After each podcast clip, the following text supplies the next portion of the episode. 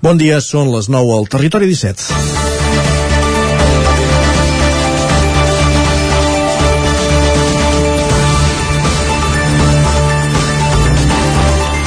Escriure una portada cada dia no és tan senzill com sembla i ha arribat el dia de la batalleta. Sap greu, però l'ocasió s'ho mereix. Quan aquest matí m'han donat la notícia, m'ha vingut al cap l'època que feia un programa de ràdio amb el pare de la criatura. Un bon dia, l'home se'n va presentar a l'estudi amb el cotxet i el bailet, que feia poc havia arribat al món. Es va passar aquella hora de ràdio en silenci, dormint i segurament empapant-se de la música que posava son pare, música de jove. Havia recorregut les terres, les Espanyes, tocant la bateria en bandes com Stephen the Hooligans o Brighton 64. Aquesta passada nit, aquella criatura que, com tantes d'altres, va créixer jugant a futbol, fent la seva primera banda d'adolescents i més tard descobrint món, estat proclamada guanyadora del concurs Sona Nou, premi que en els darrers anys han aixecat altres bandes usonenques com Est Oest, Nyandú o La Iaia. Amb aquest premi, d'en Peralbo podran registrar un EP i un videoclip i actuarà l'any que ve en festivals com l'Acústica de Figueres, el Mercat de Música Viva de Vic, la Mercè de Barcelona o les festes de Santa Tecla de Tarragona. I des d'aquí ho celebrem i el felicitem. Dijous, 18 de novembre de 2021, comença el Territori 17 a la sintonia de la veu de Sant Joan, Ona Codinenca, Ràdio Cardedeu, Ràdio Vic, el 9 FM i el 9 TV. Territori 17, amb Isaac Moreno i Jordi Sunyer.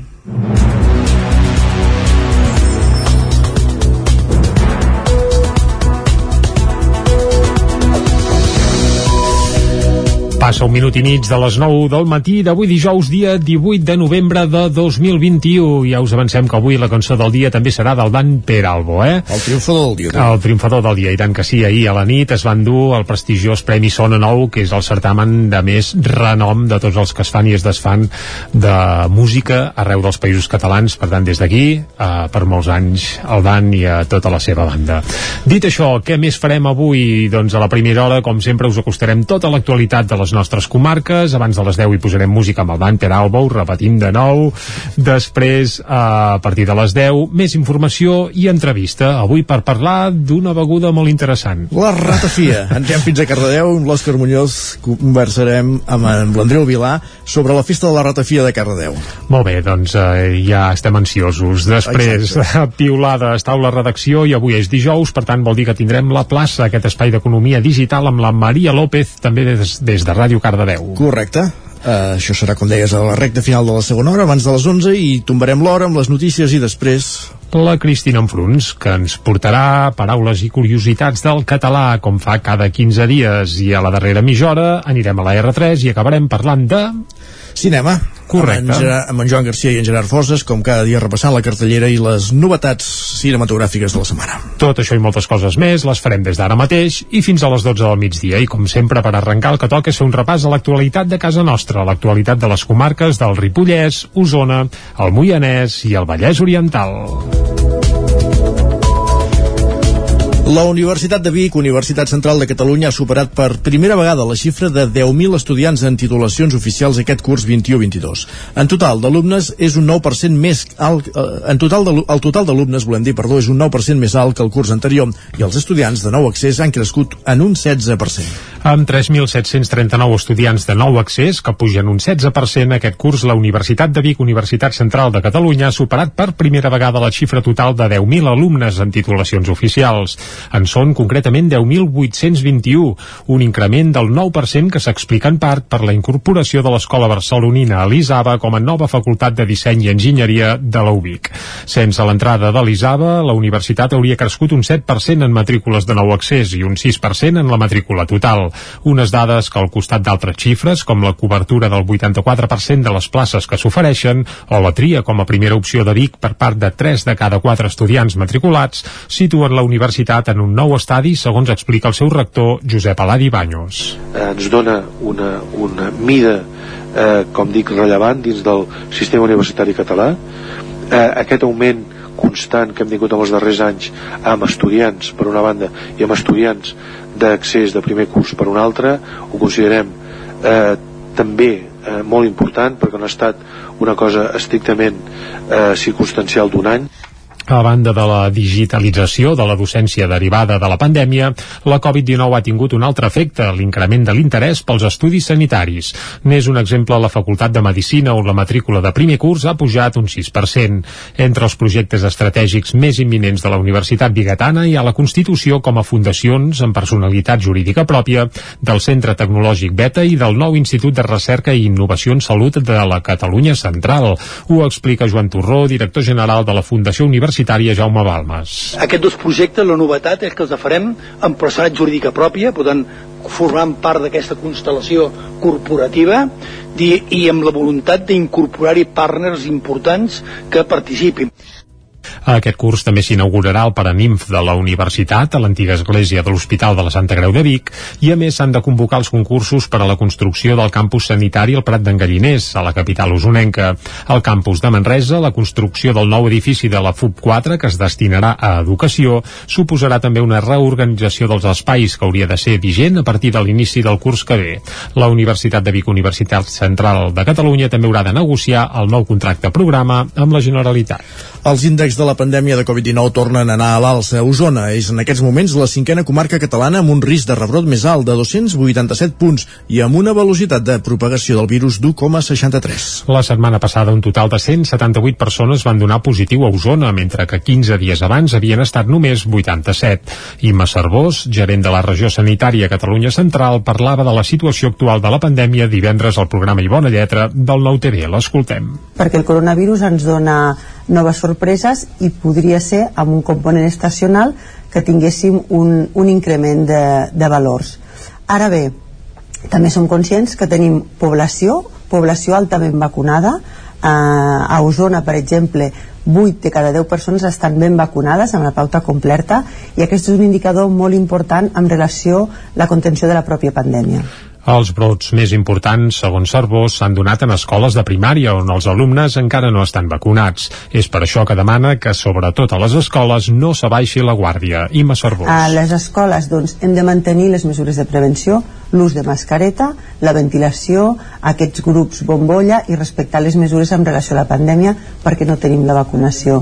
Cervós també va afirmar que almenys de moment l'augment de casos de Covid no ha fet augmentar la càrrega assistencial ni la pressió hospitalària. I no deixem de parlar del coronavirus perquè es calcula que un 10% de les persones que passen la Covid-19 acaben tenint símptomes persistents de la malaltia. A la Catalunya Central, 16 persones participen en un estudi per analitzar l'efecte de la vacunació en afectats per la Covid persistent. I una d'elles és Estel Villaronga, professora de secundària de 28 anys que actualment viu a Vic i treballa a Torelló. El cansament, les pèrdues de memòria i la desorientació formen part del seu dia a dia des que va tenir la Covid. Originària de Pineda de Mar, va arribar a Vic pel setembre, on es va establir per l'oportunitat laboral que li va sortir a Torelló, on treballa de professora de Geografia i Història a secundària. El canvi de casa i de feina el va fer enmig d'un procés personal dur com a afectada de Covid persistent, i és que el mes de febrer d'aquest any, després d'uns dies refredada, va donar positiu de Covid-19. En el confinament, sola a casa per passar la malaltia, ja van aparèixer les primeres llacunes. Estel Villaronga. Pèrdues de memòria, mm, desorientació, marejos, uh, no, sabies, no saps si has menjat, no saps si, si no has deixat de menjar, i no saps res vaig portar-ho bastant malament perquè deixes de ser la persona que ets. Les visites a metges de diferents especialitats no van servir per trobar solucions. Després d'un primer intent de tornar a la feina, va tornar a estar de baixa. Li van fer per Covid perquè ella ho va reclamar davant de la voluntat inicial del metge, assegura d'esgrimir com a motiu de la baixa un inici de demència. A partir d'aquí, tenint dues carreres i parlant sis idiomes, va haver de començar un procés de recuperació cognitiva amb un mètode creat per ella mateixa. Estel Villaronga. No podia corregir exàmens no podia sumar un 1 més 1 i llavors el que feia era um, agafar coses molt bàsiques. Intentar entendre um, contes infantils. Ara um, ja puc entendre les coses però potser o me n'oblido uh, el dia següent del que he llegit potser puc llegir un article dos cops no recordar absolutament res que llavors veure que tenia un mapa conceptual a l'última pàgina i dic ah, això ho vaig fer-ho ahir llavors en comptes de molestar-me o enfadar-me paciència La factura emocional és la que més destaca Villaronga, un element comú entre les persones que, com ella, formen part del col·lectiu d'afectades i afectats persistents de la Covid-19, que ja té més de 200 integrants. Estel Villaronga també considera que la medicina convencional s'hauria d'obrir a tractaments alternatius, com la meditació o l'osteopatia, que s'estan demostrant efectius en persones amb símptomes persistents de Covid. Una altra de les seves reclamacions és la d'una jornada laboral reduïda que ajudaria els afectats a recuperar certa normalitat. déu nhi el testimoni de l'Estel.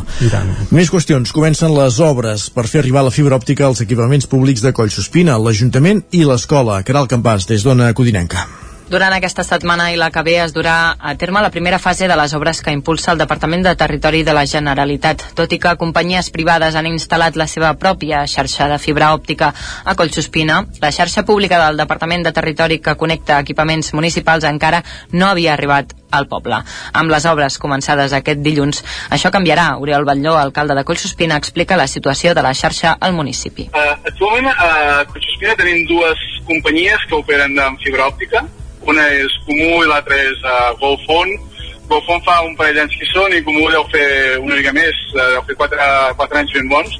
I, aquest, I ara estan passant la fibra òptica de, de, de la xarxa lliure de la Generalitat i fan, eh, cobreixen fins a l'escola i fins a l'Ajuntament. Mentre l'escola ha pogut gaudir d'una xarxa de fibra òptica alternativa subministrada pel Departament d'Ensenyament, l'Ajuntament continua amb una línia ADSL per tema de costos i seguretat.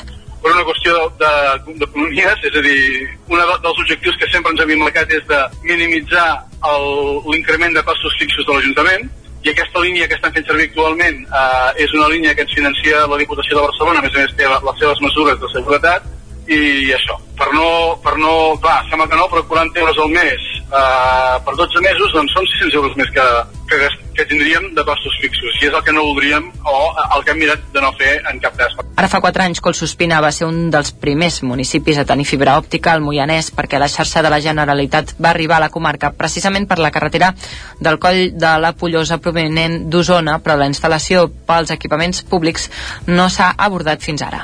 Comencen les obres de reparació dels murs del raval de la carretera Barcelona i Ordina de Ripoll afectats pels temporals Leslie i Glòria.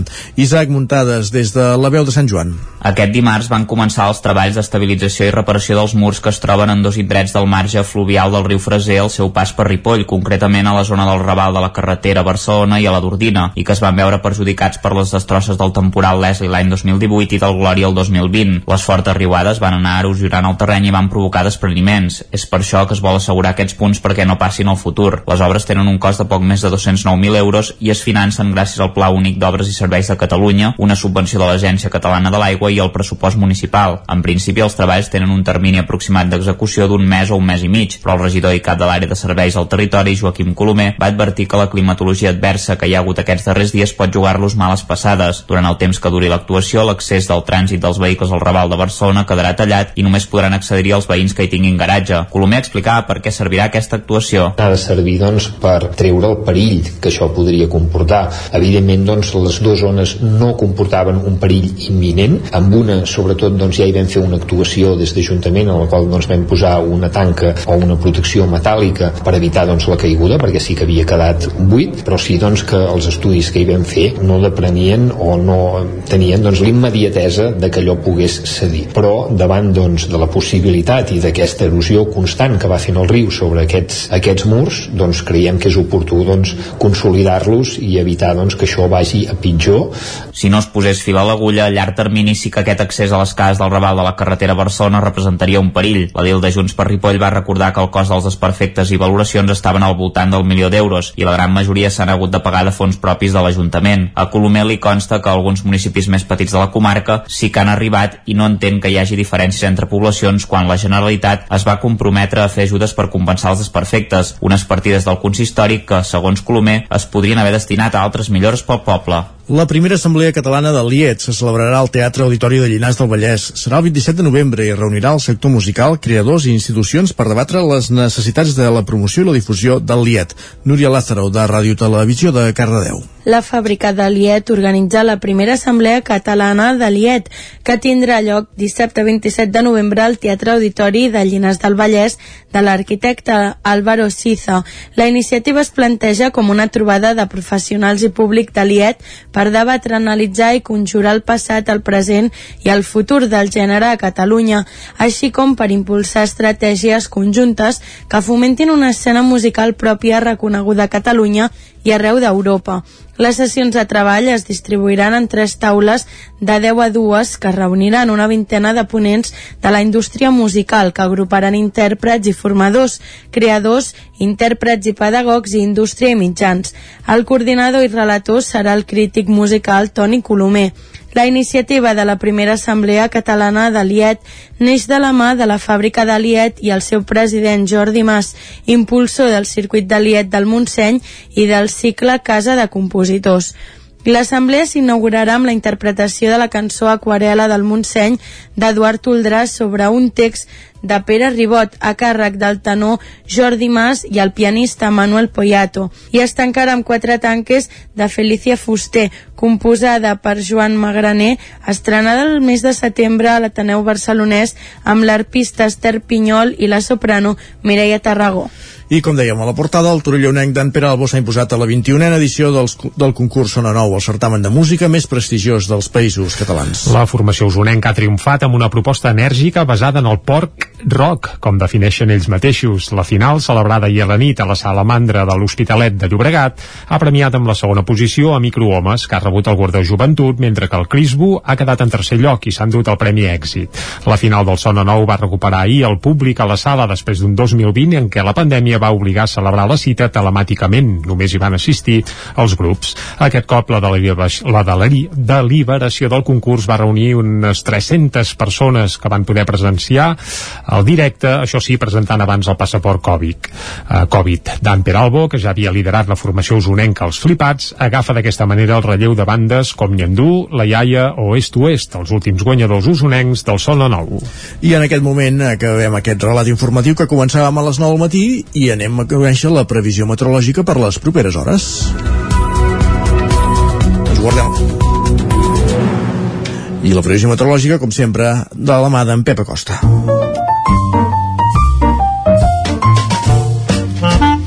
Casa Terradellos us ofereix el temps. I, I això, tenim en Pep per parlar del temps, com sempre, i em sembla que avui encara anticicló, però ja ens avança que s'acosten canvis, eh? Pep, molt bon dia. Molt bon dia, ja estem aquí. I tant. Sí, L'espai del temps, com cada dia, a punt per informar-vos de quina situació meteorològica tindrem el dia d'avui. Hem començat amb força fred, les temperatures mínimes, la majoria entre el 0 i els 5 graus, inclús per sota eh, les zones més fredes del Pirineu, però també de l'interior, alguna població d'Osona, el Ripollès, el Moianès, han baixat aquests 0 graus, una nit freda, una nit ja de finals de tardor, una nit com ha de ser, freda, i era hora que vingués el fred, sobretot per la nit, eh? Estic parlant de la nit, sobretot per la nit, ja fa uns quants dies que fa força fred. I és que fa fred mmm, perquè toca, toca òbviament, a dates que estem, i a més tenim un anticicló a sobre que fa que les nits siguin molt serenes i això fa que la temperatura eh, baixi en picat. A més, ja tenim moltes hores de, de, de, de nit, de foscor, òbviament, tenim moltes, moltes hores ja, ens acostem al màxim d'hores de, de, de nit i això fa que la temperatura baixi.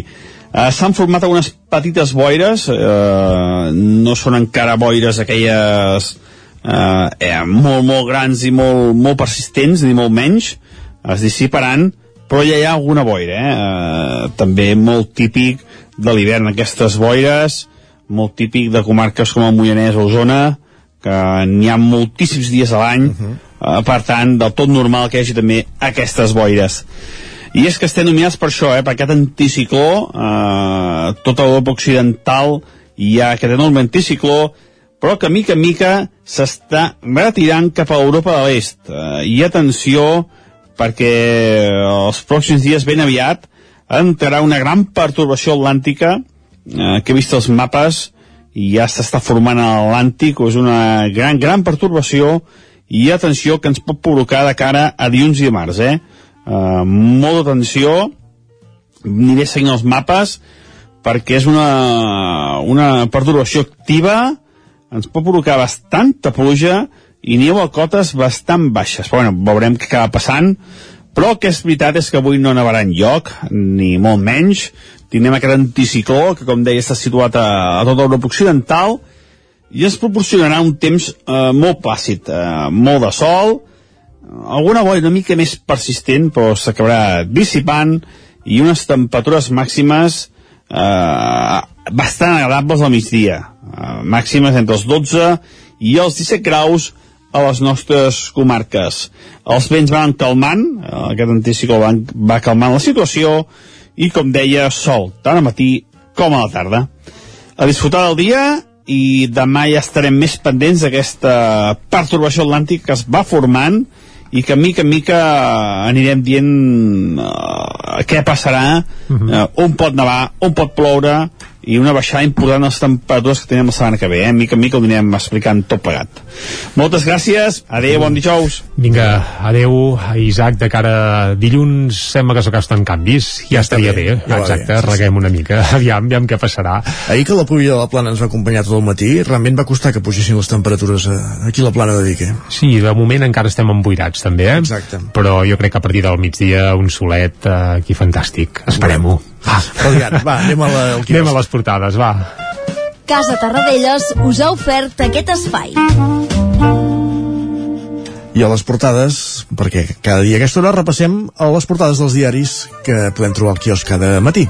I avui, Jordi, comencem per fer-ho diferent. Va, pel punt avui. Va, vinga, va, doncs comencem pel punt avui i ja avancem que les portades catalanes van totes sobre el colabrot de pressupostos. Eh, això és fantàstic. Aragonès s'ofereix als comuns i Junts el retopa. Això a la portada del punt avui. Eh, bé, en teoria hi haurà capítols nous segurament fins dilluns, que és quan sembla que s'acabaria aquest termini per eh, o posar-se d'acord o no, veure què acaba passant amb els pressupostos de la Generalitat de l'any vinent. La fotografia per això eh, del punt avui no és per Aragonès, ni pels comuns, ni per Junts, sinó que és pel Barça, pel Barça femení. Hohenheim-Barça, una mà de gols, i és que el Barça va guanyar 0 a 5 ahir en aquest partit de la Champions, i, home, no passa gaire sovint que el futbol femení obri una portada, i avui més. ho fa el punt avui amb fotografia i subtítol, i la veritat és que per molts anys el Barça acaba fer un partidàs. Molt bé. Anem a l'ara, va. A l'ara, el govern obre la via dels comuns pels pressupostos, per tant, segueixen en la mateixa tònica del punt avui i avisen que Aragonès tenca la porta a l'oferta del PSC i Junts per Cat no posarà traves a les converses amb els del VIAC. El punt avui semblava que sí que hi posarien traves, però des de l'ara ja avancen que no. El president i Giró, Giró, el conseller d'Economia, mantenen la negociació amb la CUP, tot i la distància amb les seves demandes. La fotografia és precisament per Aragonès i Giró conversant eh, al Parlament, fent, fent la petar. Que passa van amb mascareta i no els hi podem llegir els llavis ah, i no sabem què es diuen, però vaja. Ja no cal posar-se la mà com fan els jugadors de futbol ara. Ah, exacte. Un altre punt, vistiplau a la tercera dosi de la vacuna pels majors de 60 anys. Això eh, la portada de l'Ara i en el cas dels majors de 60 anys catalans, eh? Per tant, això diguem que ens afectaria a nosaltres si ja tinguéssim 60 anys, cosa que de moment no és el cas, eh? Però ja ens hi anem acostant. Anem al periòdico, va. El govern planteja limitar la temporalitat a 3 mesos. La modificació de la reforma laboral s'acosta al final i sembla que una de les mesures que hi podrien eh, quebre serien aquestes. La fotografia per Pere Aragonès, que diu es nega a pactar amb el PSC, amb una foto força ben trobada, amb Aragonès a primer pla, i de fons es veu Salvador Illa, que el mira així de reull, i bé, la veritat és que la foto aquí l'han clavat, eh? També al centre de la ciutat de Barcelona, evidentment el periòdico parlen quasi sempre de Barcelona, tot i que no ho diuen, eh? però el centre de la ciutat recupera el protagonisme en l'encesa nadalenca. Ja preparen els llums de Nadal a Barcelona. Anem a l'avantguàrdia, el titular principal és per les vacunes Covid, que, atenció, perden part d'efectivitat al cap de 4 mesos. Ai, ai, ai, ai. Sanitat anuncia la tercera dosi pel personal sanitari als més grans de 60 anys davant la sisena onada. I a més això eh, expliquen que al cap de 4 mesos perden l'efectivitat El que vaig sentir l'altre dia és que els de la monodosi, els de Janssen, ja els estan buscant una data per posar-los una segona dosi d'una altra vacuna. Sí, en aquest cas de Pfizer, a més Exacte, a més. sí, sí. A la fotografia a l'avantguàrdia, Aragonès obre joc amb els comuns i amb una foto on apareix també Salvador Illa i Pere Aragonès molt similar a la del periòdico. Anem ara cap a les portades que s'editen des de Madrid i comencem pel país. El govern obre la porta a jutjar els crims franquistes. Aquest és el titular principal del diari El País. La fotografia per això és per Frida Kahlo. Uh, bé, més que per Frida Kahlo, per un quadre seu que, que bé, que la veritat és que no sé gaire els detalls, però fa, fa molt de goig. Si ho voleu investigar més, aneu cap, a, cap al país. I també diuen el 60% dels ingressats a les UCIs per Covid no estan vacunats. Una dada, en aquest cas, de tot l'estat espanyol. Anem cap al diari El Mundo. El jutge investiga dues tapaderes, diuen tapaderes així, entre cometes, de Caracas per finançar a Podem. El Mundo que continua amb la seva particular croada de buscar enllaços entre Podem o Podemos i Venezuela i bé, eh, això segons ells la declaració del Pollo Carvajal reactiva la causa sobre la formació morada, en aquest cas sobre Podem. El PSOE cedeix davant d'Esquerra Republicana i obre la via per burlar, i burlar ho diuen així textual, la llei de l'amnistia de l'any 1977. Aquí també això també apareix a la portada del Mundo i la fotografia és pel volcà de la Palma que segueix traient lava i diuen ni un sol reallotjament dos mesos després en un aparcament ple d'autocaravanes i caravanes de gent que en teoria ha hagut de marxar de casa i encara no tenen diguem-ne casa nova i estan provisionalment doncs això, amb caravanes Ja estic en condicions d'explicar-te la foto de, de, la, Ah, Frida, doncs, de la Frida Kahlo. explica-me-la, eh? explica-me-la Bàsicament perquè és que aquesta seva obra s'ha subestat, eh, té el rècord de, de preu de subhasta a Llatinoamèrica i ha desbancat per 30 milions de- d'euros, si no ho he llegit malament, el qui ocupava aquest primer lloc fins ara, que era precisament el seu marit. Carai, curiós, curiós, curiós. Doncs eh, això, la portada del País, la fotografia és de Frida Kahlo i ràpidament un cop d'ull a la portada de l'ABC, el PSOE eh, s'agenolla a Esquerra Republicana i Podem i dinamita el llegat de la transició. Mare meva, això és opinió pura i dura, però ells ho fan com si fos informació i diguem que pacta convertir la llei de memòria democràtica en una esmena a l'amnistia de 1977 i esquivar la Constitució per jutjar els crims franquistes. Això titula la portada Que de l'ABC. Això els cou. I tant. Acabem aquí aquest repàs a portades, fem una petita pausa i continua el Territori 17. 3 minutets i tornem. El nou FM, el nou FM. Vine a Autoscola Montseny. Ara és el moment de fer els cursos de teòrica intensius, ràpid i eficaç. T'informarem dels PACs, permís de moto de 16 i 18 anys i permís de cotxe. I si vens a veure'ns, tindràs un obsequi. Apunta't i no t'ho pensis més. Per més informació, Autoscola Montseny, Rambla de Vallades, número 13 de Vic. Busca'ns a Instagram i Facebook. Amb Pradell estalvio energia i cuido la meva butxaca i el medi ambient. Posa't en mans a Pradell, són experts en calderes de gas i condensació, estufes de pèl·let, energia solar, terres radiants i geotèrmia. Pradell instal·la calderes de biomassa per a particulars i per a empreses. Si vols estalviar un 50% en consum, contacta amb Pradell i passa't a les energies renovables. Pradell, som a l'Avinguda Països Catalans 27 de Vic. Telèfon 93 885 1197. Pradell.cat. El racó de León. Gaudeix de la nostra terrassa. Vine a tastar les xuletilles de l'Echal a la brasa amb una bona amanida o el xuletón de vedella gallega. No et pots perdre el nostre lechado de Castilla al forn o el cochinillo a l'estil de Segovia. Tot acompanyat del millor celler, al menjador o fora la terrassa. Descobreix la millor cuina de lleó sense moure't de casa. Vine amb la família, els amics, la parella o sol. T'encantarà. El racó de León, cuina tradicional lleonesa i de mercat. Som al carrer Torelló número 35 de Vic. Per reserves, telèfon 93 889 1950. El racó de León, una cuina diferent. Som especialistes en cargols a la llauna. Vine a tastar-los al racó de León. Això és el que s'escolta al voltant d'una caldera saunia d'Oval. Tranquil·litat i benestar, perquè gaudeix del millor manteniment del servei tècnic oficial per estar despreocupat. O el que vulgui. Informis a Oficiat Nord trucant al 938860040. Saunier Duval, sempre al seu costat. Rètols 2A. Experts en comunicació visual. Rètols, banderoles, vinils, impressió, plaques gravades, senyalització, displays... Rètols Dos Art. Ja són 25 anys al vostre servei. Ens trobareu a la carretera de Vic a Olot, número 7, al polígon Malloles de Vic. dosartvic.com Telèfon 93 889 2588. Imprenta Mater, el servei de particulars i empreses. Fem catàlegs, llibres, papereria corporativa, targetes, fulletons i també venem material d'oficina i escriptori, bolígrafs, arxivadors, grapadores, llibretes i molt més. Mater Impressors des de 1957. Impremta Mater. Ens trobaràs a la carretera de Sant Hipòlit, número 23 de Vic i a la impremtamater.com. El nou FM, el nou FM, el nou FM, el nou FM. I ara mateix el 9FM i el Territori 17 són dos quarts de 10 del matí. Territori 17, amb Isaac Moreno i Jordi Sunyer.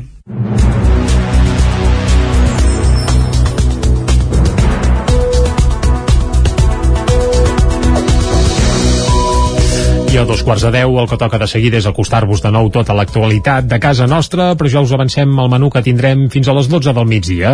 Abans de les 10 hi, posem, hi posarem música, avui amb el Dan Peralbo, que ahir a la nit es va proclamar guanyador del Sona Nou, el concurs de més prestigi d'arreu dels països catalans. Després a les 10 més informació i entrevista eh, avui per parlar de Ratafia, Isaac. Parlem de la festa de la Ratafia de Cardedeu amb l'Andreu Vilà des de Ràdio Televisió de Cardedeu en companyia de l'Òscar Muñoz. Vinga, després vindran piulades, taula de redacció i avui a la Tornem a plaça a l'espai d'economia digital. Amb, exacte, amb la Maria López i acompanyada de la gent dels companys d'11.cat. i vinga a les 11 més informació. Després ens visitarà la Cristina Enfruns que cada 15 dies ens ajuda a parlar una mica millor el català. I a la part final del programa a la R3, a la Trenc d'Alba i avui acabarem parlant de... Cinema també des de la veu de Sant Joan amb en Joan Garcia i en Gerard Foses posant-nos al dia de la cartellera cinematogràfica. I el que toca ara, com bé hem dit abans, és acostar-vos de nou l'actualitat del costat de casa, l'actualitat de les comarques del Ripollès, Osona, el Moianès i el Vallès Oriental. La Universitat de Vic, Universitat Central de Catalunya, ha superat per primera vegada la xifra de 10.000 estudiants en titulacions oficials aquest curs 21-22. En total d'alumnes és un 9% més alt, eh, en total de, el total d'alumnes, volem dir, perdó, és un 9% més alt que el curs anterior i els estudiants de nou accés han crescut en un 16%. Amb 3.739 estudiants de nou accés, que pugen un 16% aquest curs, la Universitat de Vic, Universitat Central de Catalunya, ha superat per primera vegada la xifra total de 10.000 alumnes en titulacions oficials. En són concretament 10.821, un increment del 9% que s'explica en part per la incorporació de l'Escola Barcelonina a l'ISABA com a nova facultat de disseny i enginyeria de la UBIC. Sense l'entrada de l'ISABA, la universitat hauria crescut un 7% en matrícules de nou accés i un 6% en la matrícula total. Unes dades que al costat d'altres xifres, com la cobertura del 84% de les places que s'ofereixen o la tria com a primera opció de Vic per part de 3 de cada 4 estudiants matriculats, situen la universitat en un nou estadi, segons explica el seu rector Josep Aladi Baños. ens dona una, una mida eh, com dic rellevant dins del sistema universitari català eh, aquest augment constant que hem tingut en els darrers anys amb estudiants per una banda i amb estudiants d'accés de primer curs per una altra ho considerem eh, també eh, molt important perquè no ha estat una cosa estrictament eh, circumstancial d'un any A banda de la digitalització de la docència derivada de la pandèmia, la Covid-19 ha tingut un altre efecte, l'increment de l'interès pels estudis sanitaris. N'és un exemple la Facultat de Medicina on la matrícula de primer curs ha pujat un 6%.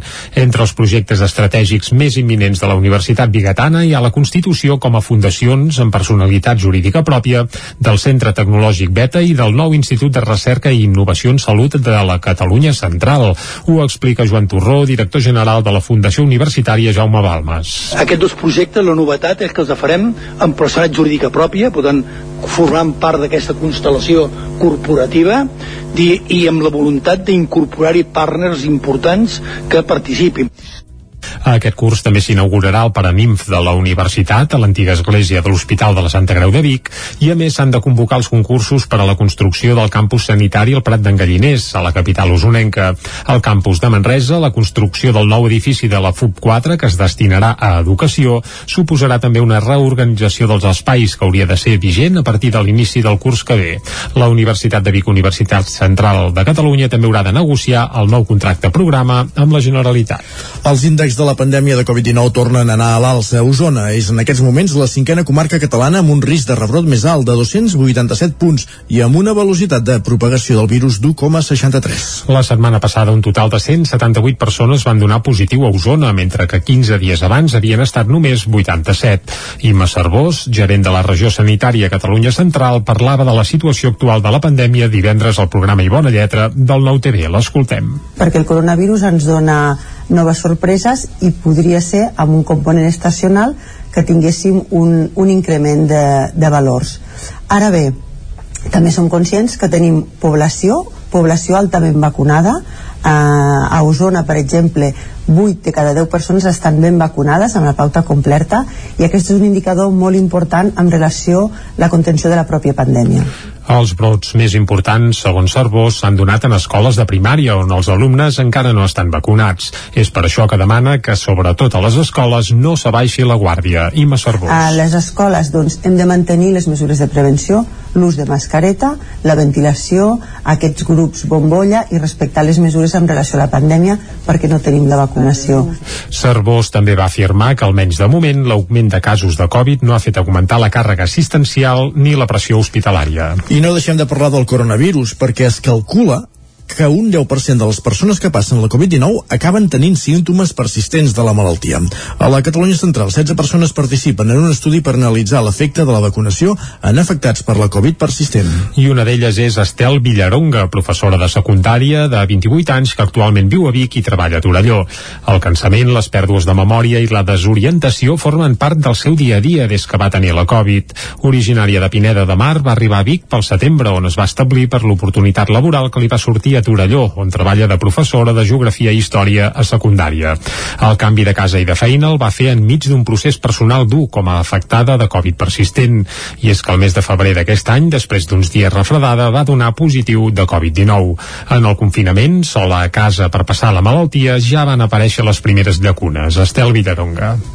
Pèrdues de memòria, mm, desorientació, marejos, uh, no, sabies, no saps si has menjat, no saps si, si no has deixat de menjar, i no saps res. Vaig portar-ho bastant malament perquè deixes de ser la persona que ets. Les visites a metges de diferents especialitats no van servir per trobar solucions. Després d'un primer intent de tornar a la feina, va tornar a estar de baixa. Li van fer per Covid perquè ella ho va reclamar davant de la voluntat inicial del metge, assegura d'esgrimir com a motiu de la baixa un inici de demència. A partir d'aquí, tenint dues carreres i parlant sis idiomes, va haver de començar un procés de recuperació cognitiva amb un mètode creat per ella mateixa. Estel Villaronga. No podia corregir exàmens, no podia sumar un 1 més 1 i llavors el que feia era um, agafar coses molt bàsiques intentar entendre um, contes infantils ara um, ja puc entendre les coses però potser o me n'oblido uh, el dia següent del que he llegit potser puc llegir un article dos cops no recordar absolutament res que llavors veure que tenia un mapa conceptual a l'última pàgina i dic ah, això ho vaig fer ahir. Llavors en comptes de molestar-me o enfadar-me paciència La factura emocional és la que més destaca a Villaronga, un element comú entre les persones que, com ella, formen part del col·lectiu d'afectades i afectats persistents de la Covid-19, que ja té més de 200 integrants. Estel Villaronga també considera que la medicina convencional s'hauria d'obrir a tractaments alternatius, com la meditació o l'osteopatia, que s'estan demostrant efectius en persones amb símptomes persistents de Covid. Una altra de les seves reclamacions és la d'una jornada laboral reduïda que ajudaria els afectats a recuperar certa normalitat. déu nhi el testimoni de l'Estel. Més qüestions. Comencen les obres per fer arribar la fibra òptica als equipaments públics de Collsospina, l'Ajuntament i l'escola. Caral Campàs, des d'Ona Codinenca. Durant aquesta setmana i la que ve es durà a terme la primera fase de les obres que impulsa el Departament de Territori de la Generalitat. Tot i que companyies privades han instal·lat la seva pròpia xarxa de fibra òptica a Collsospina, la xarxa pública del Departament de Territori que connecta equipaments municipals encara no havia arribat al poble. Amb les obres començades aquest dilluns, això canviarà. Oriol Batlló, alcalde de Collsospina, explica la situació de la xarxa al municipi. Uh, actualment a Collsospina tenim dues companyies que operen amb fibra òptica una és Comú i l'altra és uh, Golfon. Golfon fa un parell d'anys que són i Comú deu fer una mica més uh, deu fer 4, 4 anys ben bons. I, aquest, i ara estan passant la fibra òptica de, de, de la xarxa lliure de la Generalitat i fan eh, cobreixen fins a l'escola i fins a l'Ajuntament mentre l'escola ha pogut gaudir d'una xarxa de fibra òptica alternativa subministrada pel Departament d'Ensenyament, l'Ajuntament continua amb una línia ADSL per tema de costos i seguretat. Per una qüestió d'economies, és a dir, un dels objectius que sempre ens havíem marcat és de minimitzar l'increment de costos fixos de l'Ajuntament, i aquesta línia que estan fent servir actualment eh, és una línia que ens financia la Diputació de Barcelona, a més a més té les seves mesures de seguretat, i això, per no, per no clar, sembla que no, però 40 euros al mes eh, per 12 mesos doncs són 600 euros més que, que, que tindríem de costos fixos i és el que no voldríem o el que hem mirat de no fer en cap cas. Ara fa 4 anys Collsospina va ser un dels primers municipis a tenir fibra òptica al Moianès perquè la xarxa de la Generalitat va arribar a la comarca precisament per la carretera del coll de la Pollosa provenent d'Osona però la instal·lació pels equipaments públics no s'ha abordat fins ara. Comencen les obres de reparació dels murs del raval de la carretera Barcelona i Ordina de Ripoll afectats pels temporals Leslie i Glòria. Isaac Muntades des de la veu de Sant Joan.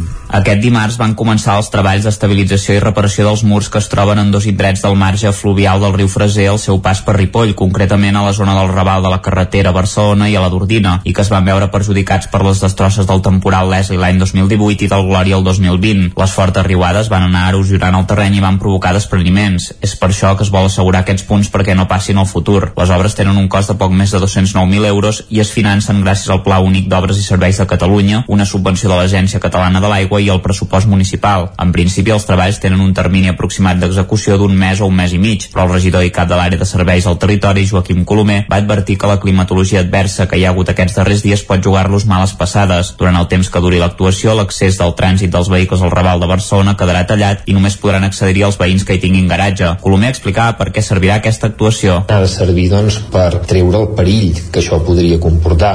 Evidentment, doncs, les dues zones no comportaven un perill imminent. Amb una, sobretot, doncs, ja hi vam fer una actuació des d'Ajuntament en la qual doncs, vam posar una tanca o una protecció metàl·lica per evitar doncs, la caiguda, perquè sí que havia quedat buit, però sí doncs, que els estudis que hi vam fer no deprenien o no tenien doncs, l'immediatesa de que allò pogués cedir. Però davant doncs, de la possibilitat i d'aquesta erosió constant que va fent el riu sobre aquests, aquests murs, doncs creiem que és oportú doncs, consolidar-los i evitar doncs, que això vagi a pitjor.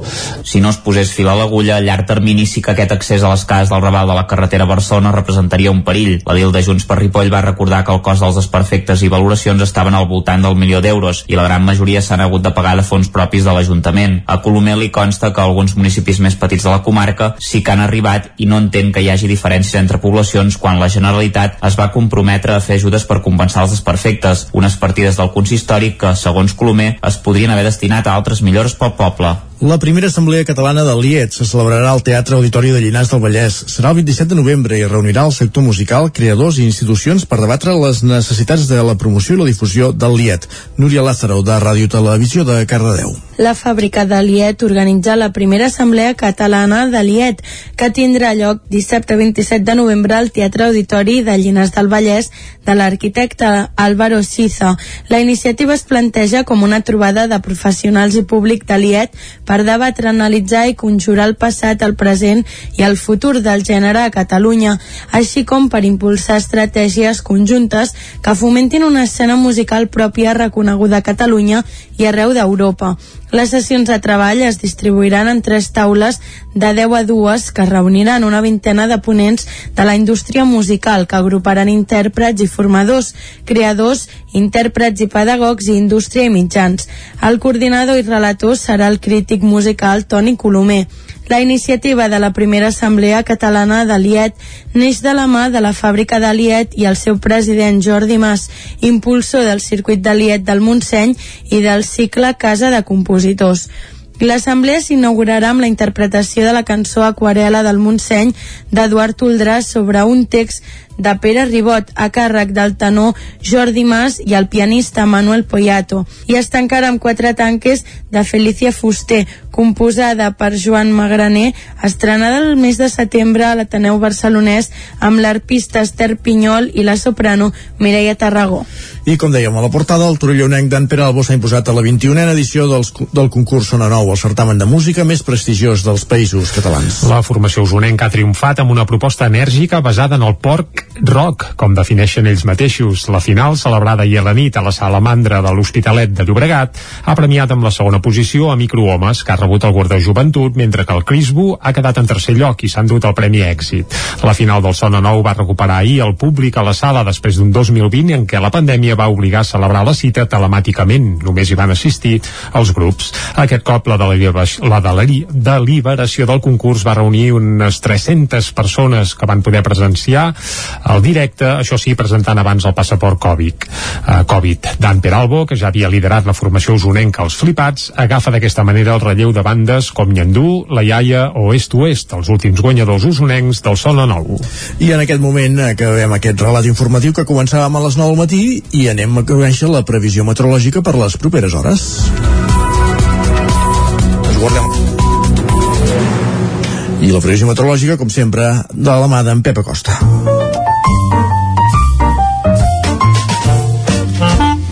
Casa Terradellos us ofereix el temps. I, I això, tenim en Pep per parlar del temps, com sempre, i em sembla que avui encara anticicló, però ja ens avança que s'acosten canvis, eh? Pep, molt bon dia. Molt bon dia, ja estem aquí. I tant. Sí, L'espai del temps, com cada dia, a punt per informar-vos de quina situació meteorològica tindrem el dia d'avui. Hem començat amb força fred, les temperatures mínimes, la majoria entre el 0 i els 5 graus, inclús per sota eh, les zones més fredes del Pirineu, però també de l'interior, alguna població d'Osona, el Ripollès, el Moianès, han baixat aquests 0 graus, una nit freda, una nit ja de finals de tardor, una nit com ha de ser, freda, i era hora que vingués el fred, sobretot per la nit, eh? Estic parlant de la nit, sobretot per la nit, ja fa uns quants dies que fa força fred. I és que fa fred mm, eh, perquè toca, toca òbviament, a dates que estem, i a més tenim un anticicló a sobre que fa que les nits siguin molt serenes i això fa que la temperatura eh, baixi en picat. A més, ja tenim moltes hores de, de, de, de nit, de foscor, òbviament, tenim moltes, moltes hores ja. Ens acostem al màxim d'hores de, de, de nit i això fa que la temperatura baixi. Eh, S'han format algunes petites boires, eh, no són encara boires aquelles eh, eh, molt, molt grans i molt, molt persistents, ni molt menys, es dissiparan, però ja hi ha alguna boira, eh? eh també molt típic de l'hivern aquestes boires, molt típic de comarques com el Moianès o Osona, que n'hi ha moltíssims dies a l'any, uh -huh. eh, per tant, del tot normal que hi hagi també aquestes boires. I és que estem nominats per això, eh, per aquest anticicló, eh, tota l'Europa Occidental hi ha aquest enorme anticicló, però que mica en mica s'està retirant cap a Europa de l'Est. Eh, I atenció, perquè els pròxims dies ben aviat entrarà una gran pertorbació atlàntica eh, que he vist els mapes i ja s'està formant a l'Atlàntic és una gran, gran pertorbació i atenció que ens pot provocar de cara a dilluns i dimarts eh? eh molt d'atenció aniré seguint els mapes perquè és una, una perturbació activa ens pot provocar bastanta pluja i neu a cotes bastant baixes. Però, bueno, veurem què acaba passant, però el que és veritat és que avui no nevarà lloc, ni molt menys. Tindrem aquest anticicló, que com deia està situat a, a tota Europa Occidental, i ens proporcionarà un temps eh, molt plàcid, eh, molt de sol, alguna boira una mica més persistent, però s'acabarà dissipant, i unes temperatures màximes eh, bastant agradables al migdia, uh, màximes entre els 12 i els 17 graus a les nostres comarques. Els vents van calmant, uh, aquest anticicló va, va calmant la situació i, com deia, sol, tant al matí com a la tarda. A disfrutar del dia i demà ja estarem més pendents d'aquesta perturbació atlàntica que es va formant i que mica en mica anirem dient uh, què passarà, uh, on pot nevar, on pot ploure i una baixada important a les temperatures que tenim la setmana que ve, eh? mica en mica ho anirem explicant tot plegat. Moltes gràcies, adeu, bon dijous. Vinga, adeu, Isaac, de cara a dilluns sembla que s'acosten canvis, ja estaria bé, ja va exacte, bé, reguem una mica, aviam, aviam què passarà. Ahir que la pluja de la plana ens va acompanyar tot el matí, realment va costar que pugessin les temperatures eh, aquí a la plana de Vic, eh? Sí, de moment encara estem emboirats també, eh? Exacte. però jo crec que a partir del migdia un solet eh, aquí fantàstic, esperem-ho. Va, Radiant, va, anem a, la, anem a les portades, va. Casa Tarradellas us ha ofert aquest espai.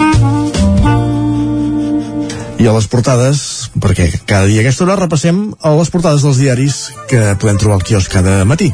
I avui, Jordi, comencem per fer-ho diferent. Va, pel punt avui. Va, vinga, va, doncs comencem pel punt avui i ja avancem que les portades catalanes van totes sobre el col·labrot de pressupostos. Eh, això és fantàstic. Aragonès s'ofereix als comuns i Junts el retopa. Això a la portada del punt avui. Uh, bé, en teoria hi haurà capítols nous segurament fins dilluns, que és quan sembla que s'acabaria aquest termini per uh, o posar-se d'acord o no, veure què acaba passant amb els pressupostos de la Generalitat de l'any vinent. La fotografia per això eh, del punt avui no és per Aragonès, ni pels comuns, ni per Junts, sinó que és pel Barça, pel Barça femení. Hohenheim-Barça, una mà de gols, i és que el Barça va guanyar 0 a 5 ahir en aquest partit de la Champions, i, home, no passa gaire sovint que el futbol femení obri una portada, i Cada cop avui més. ho fa el punt avui amb fotografia i subtítol, i la veritat és que per molts anys el Barça acaba fer un partidàs. Molt bé. Anem a l'ara, va. A l'ara, el govern obre la via dels comuns pels pressupostos. Per tant, segueixen en la mateixa tònica del punt avui i avisen que Aragonès tenca la porta a l'oferta del PSC i Junts per Cat no posarà traves a les converses amb els del VIAC. El punt avui semblava que sí que hi posarien traves, però des de l'ara ja avancen que no. El president i Giró, Giró, el conseller d'Economia, mantenen la negociació amb la CUP, tot i la distància amb les seves demandes. La fotografia és precisament per Aragonès i Giró conversant eh, al Parlament, fent, fent la petar. Que passa van amb mascareta i no els hi podem llegir els llavis ah, i no sabem què es diuen, però vaja. Ja no cal posar-se la mà fan els jugadors de futbol ara. Ah, exacte. Un altre punt. Vistiplau a la tercera dosi de la vacuna pels majors de 60 anys. Això a la portada de l'Ara i en el cas dels majors de 60 anys catalans. Eh? Per tant, això diguem que ens afectaria a nosaltres si ja tinguéssim 60 anys, cosa que de moment no és el cas. Eh? Però ja ens hi anem acostant. Anem al periòdico. Va, el govern planteja limitar la temporalitat a 3 mesos. La modificació de la reforma laboral s'acosta al final i sembla que una de les mesures que hi podrien eh, quebre serien aquestes. La fotografia per Pere Aragonès, que diu es nega a pactar amb el PSC, amb una foto força ben trobada, amb Aragonès a primer pla, i de fons es veu Salvador Illa, que el mira així de reull, i bé, la veritat és que la foto aquí l'han clavat, eh? També al centre de la ciutat de Barcelona, evidentment el periòdico parlen quasi sempre de Barcelona, tot i que no ho diuen, eh? Però el centre de la ciutat recupera el protagonisme en l'encesa nadalenca. Ja preparen els llums de Nadal a Barcelona. Anem a l'avantguàrdia el titular principal és per les vacunes Covid, que, atenció, perden part d'efectivitat al cap de 4 mesos. Ai, ai, ai, ai. Sanitat anuncia la tercera dosi pel personal sanitari als més grans de 60 anys davant la sisena onada. I, a més, això, eh, expliquen que al cap de 4 mesos perden l'efectivitat. El que vaig sentir l'altre dia és que els de la monodosi, els de Janssen, ja els estan buscant una data per posar-los una segona dosi d'una altra vacuna. Sí, en aquest cas de Pfizer, a més a més. sí, sí. A la fotografia, a l'avantguàrdia, Aragonès obre joc amb els comuns i amb una foto on apareix també Salvador Illa i Pere Aragonès molt similar a la del periòdico. Anem ara cap a les portades que s'editen des de Madrid i comencem pel país. El govern obre la porta a jutjar els crims franquistes. Aquest és el titular principal del diari El País. La fotografia per això és per Frida Kahlo. Uh, bé, més que per Frida Kahlo, per un quadre seu que, que bé, que la veritat és que no sé gaire els detalls, però fa, fa molt de goig. Si voleu investigar més, aneu cap, a, cap al país I també diuen el 60% dels ingressats a les UCIs per Covid no estan vacunats. Una dada, en aquest cas, de tot l'estat espanyol. Anem cap al diari El Mundo. El jutge investiga dues tapaderes, diuen tapaderes així, entre cometes, de Caracas per finançar a Podem. El Mundo que continua amb la seva particular croada de buscar enllaços entre Podem o Podemos i Venezuela i bé, eh, això segons ells la declaració del Pollo Carvajal reactiva la causa sobre la formació morada, en aquest cas sobre Podem. El PSOE cedeix davant d'Esquerra Republicana i obre la via per burlar, i burlar ho diuen així textual, la llei de l'amnistia de l'any 1977. Aquí també això també apareix a la portada del Mundo i la fotografia és pel volcà de la Palma que segueix traient lava i diuen ni un sol reallotjament dos mesos després en un aparcament ple d'autocaravanes i caravanes de gent que en teoria ha hagut de marxar de casa i encara no tenen diguem-ne casa nova i estan provisionalment doncs això, amb caravanes Ja estic en condicions d'explicar-te la foto de, de, la Frida, Ah, doncs, de la Frida Kahlo. explica-me-la, eh? explica-me-la Bàsicament perquè és que aquesta seva obra s'ha subestat, eh, té el rècord de, de preu de subhasta a Llatinoamèrica i ha desbancat per 30 milions de- d'euros, si no ho he llegit malament, el qui ocupava aquest primer lloc fins ara, que era precisament el seu marit. Carai, curiós, curiós, curiós.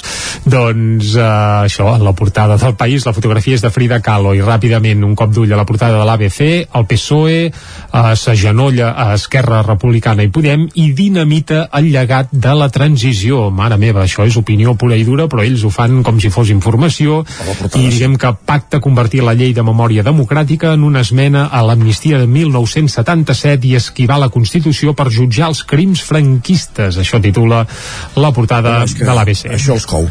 I a Jordi ens faltava repassar la portada de la Razón, diari fundat per Lluís Marianson en el seu moment i algú li deia la Ranson en aquella època. En fi, és igual, xista dolent. Eh, Doncs va, és tan dolent que anem directe, posem-hi música, perquè a a vegades, música. depèn quines portades, quasi fan Sí? mandra, i avui Ai, ai, que ai. portem bona música i a més lligada a un tema de rabiosa actualitat, com és premiada. el Premi del Sona Nou, recordem-ho, el concurs de més prestigi dels que es fan ara mateix eh, als països catalans, i bé, que més ha consolidat gent, escolta, Manel, Amics de les Arts, tota aquesta gent havien passat per aquí. Aquest concurs Sona Nou, eh? el Joan Dausà mateix, eh, i bé, i abans hem citat usonencs, els darrers est-oest, aquests malauradament ja estan difunts, però també havien guanyat els Nyandú, la Iaia, i ara s'afegirà a tot aquest reperto eh, repertori doncs el Dan Peralbo.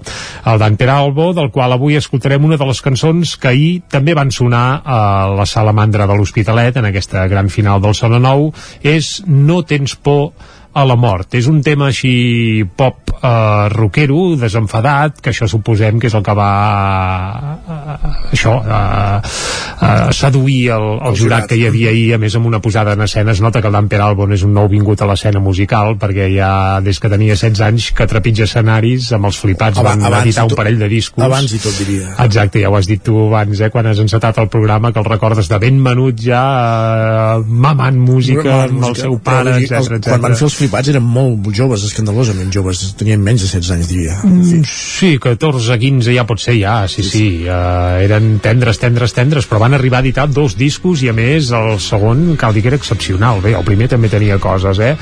Però bé, ara el Dan Peralbo vola sol, això sí, amb algun músic dels flipats, precisament a la banda, també algun altre company que ha fet uh, arran de les seves aventures, per exemple, ara normalment viu a Barcelona, i ja el podem escoltar de fons amb aquesta peça, No tens por a la mort, eh, una peça que tant de bo de cada l'any vinent podem escoltar planxada amb un disc allò una mica com Déu mana, que suposem que arran del premi com serà que no caigui. El que sí que el sentirem al Mercat de Música Viva de l'any que ve. I tant.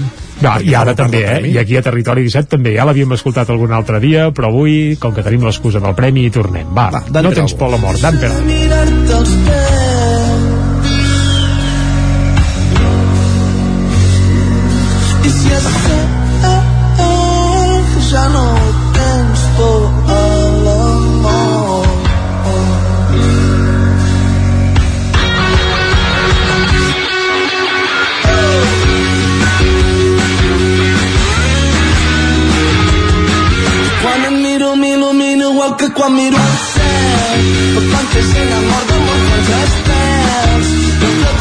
Qui serà el següent en pujar dalt al ciberespai espero que molt i molt ja mai més poder tornar a morir d'amor, cosa que jo mai he entès. Deixa que no m'aplega el cor.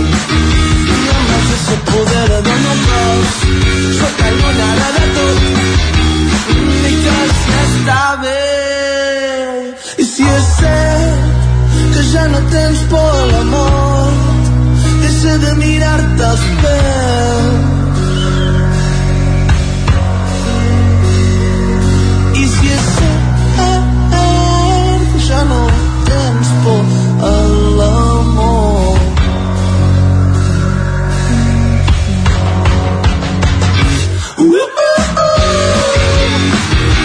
no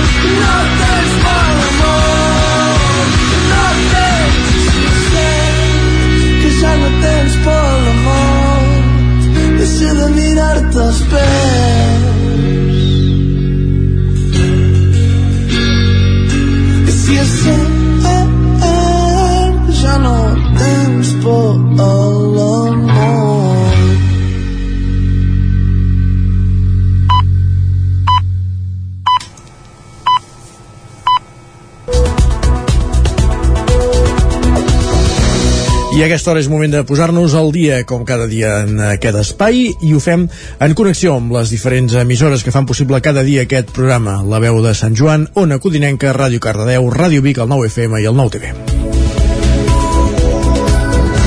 L'Ajuntament de Sant Quirze de Besora ha convocat per avui dijous a les 8 del vespre una concentració amb el lema Ja n'hi ha prou. Protestarà contra l'incivisme i recollirà signatures per reclamar actuacions judicials i policials que garanteixin la seguretat al poble. La protesta arriba després que la nit de dimarts a dimecres, tal com explicàvem ahir a Territori 17, cremés un cotxe al carrer d'Emma. Els fets van passar pels vols de 3 quarts de 12 de la nit a escassos metres, on la setmana passada es va produir un, un incendi intencionat al bar Les Piscines. Els dos incendis se sumen a diversos robatoris i furts que hi ha hagut darrerament a Sant Quirze.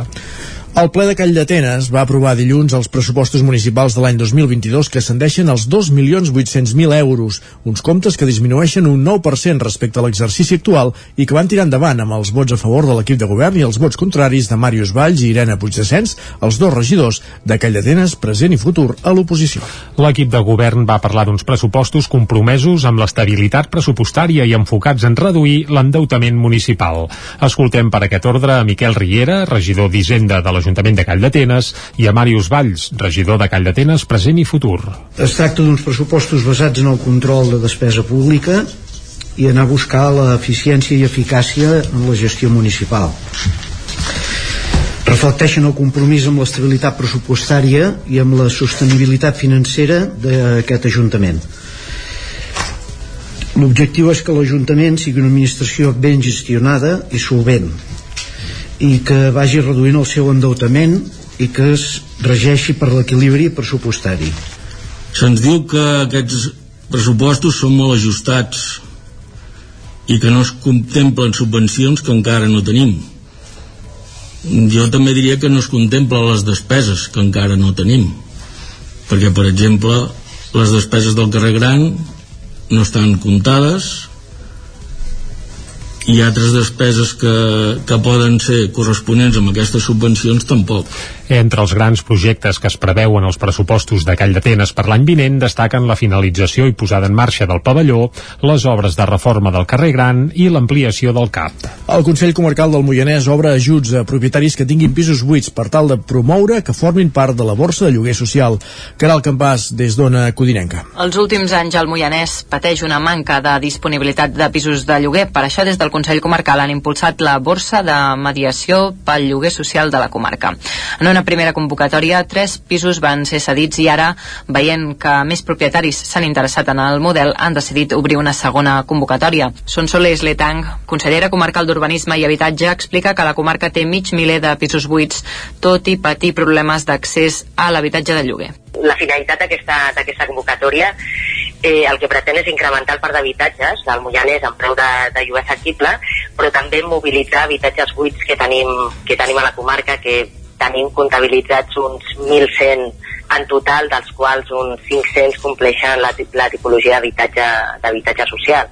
Fins al proper 25 de novembre, aquells propietaris que vulguin incloure un pis buit a la borsa de lloguer social de la comarca tindran garantits els següents avantatges que ha explicat la mateixa consellera. Sí, és un, és un assegurament del lloguer, eh, o sigui, els beneficis per la propietat seria eh, mitjançant la intervenció de la Generalitat es vetlla pel, pel cobrament del lloguer i pel bon ús de l'habitatge. Val? Eh, a banda també l'oficina local de l'habitatge vetlla també per tot el tràmit de lloguer i també, òbviament, de totes les tasques contractuals. El preu del lloguer queda fixat per l'Agència Catalana del Lloguer, regulat alhora per l'Agència d'Habitatge de Catalunya segons les característiques de l'immoble. és important, els beneficis pels llogaters que optin per aquests habitatges, que en aquest cas eh, el cost del lloguer està regulat per l'Agència de l'Habitatge de Catalunya sota preu de mercat. Aquesta és la principal voluntat per aconseguir eh, incrementar el parc d'habitatges de lloguer assequible en preu de mercat, o sigui, en preu eh, de lloguer sota mercat. A més, el Consell Comarcal del Moianès, des de l'Oficina d'Habitatge, farà la mediació buscant encaixar llogaters i propietaris segons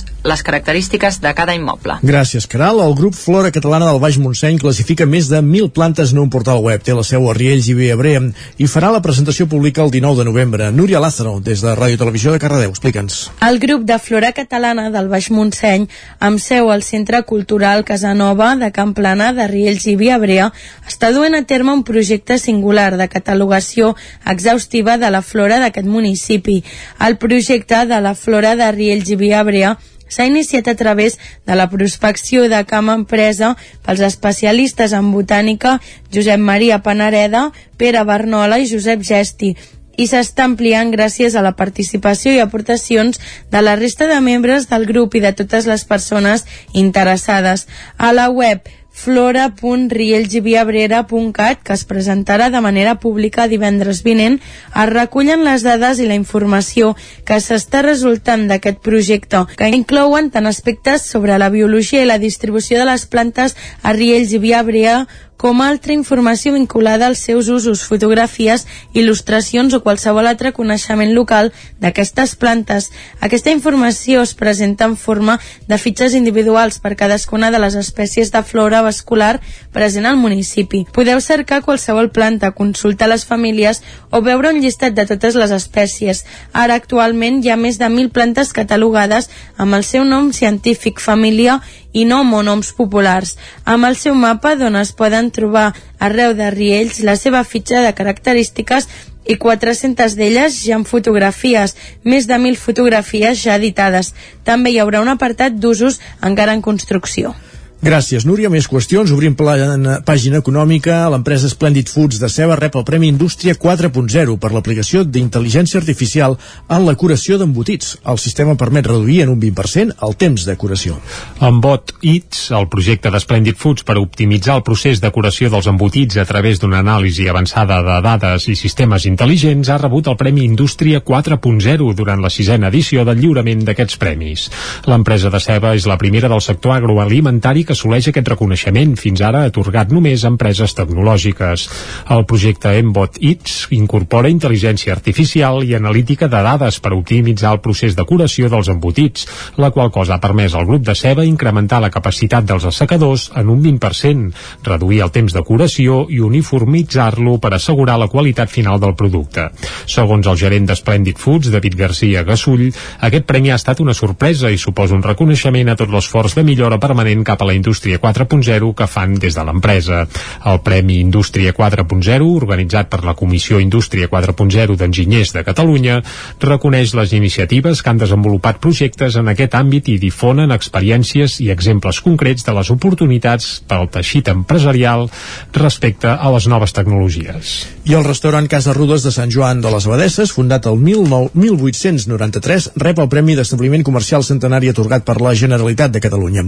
Isaac Muntades, des de la veu de Sant Joan. El restaurant i agrobotiga Casa Rudes de Sant Joan de les Abadeses va ser un dels 12 establiments premiats de la vintena edició dels Premis Nacionals als establiments comercials centenaris atorgats per la Generalitat de Catalunya i que es corresponien al 2019, ja que la pandèmia va impedir entregar-los l'any passat. Un guardó que els hi va lliurar el president Pere Aragonès i el conseller d'Empresa i Treball, Roger Torrent. El restaurant Casa Rudes, ubicat a la Vila Vella de Sant Joan, es va fundar fa 128 anys, el 1893, i han passat 5 generacions de la mateixa família. El cognom Ricard és el que predomina des de l'any 1993 i actualment les germanes Montserrat i Lídia Ricard són les propietàries de l'establiment. Fa 4 anys també hi treballava la seva mare, Leonor Trinidad, però ja està jubilada. Al llarg dels anys, Casa Rudes ha patit una transformació, ja que als seus inicis era una botiga que venia tota mena de productes, des de xiruques a grana per planter. Ara s'han especialitzat en productes del Ripollès. La seva cuina és catalana i de proximitat. Ho expliquen les dues germanes. que és una cuina artesana, cuina catalana, cuina tradicional elaborada. Això costa de mantenir. Són plats elaborats que gestionem amb les receptes de l'àvia. A l'hivern, l'escudella candolla,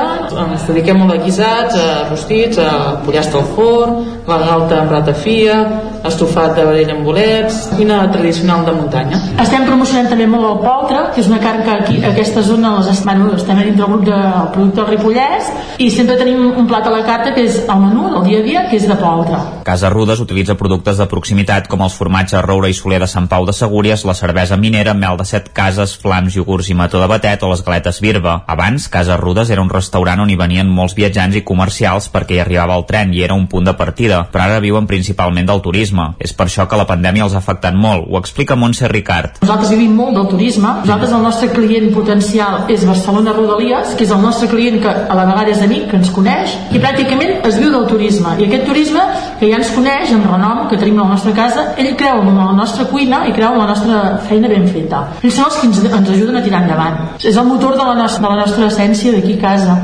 Lògicament, el confinament local i perimetral del Ripollès pel darrer Nadal els va afectar molt i van decidir fer uns mesos de pausa abans d'encarar un estiu que ha estat molt bo. Ara mateix, a Casa Rudes només hi treballa una dona de la neteja a banda de les dues germanes i tenen un aforament per a 30 persones perquè prefereixen fer poc i ben fet, ja que la seva cuina és del moment i molt acurada.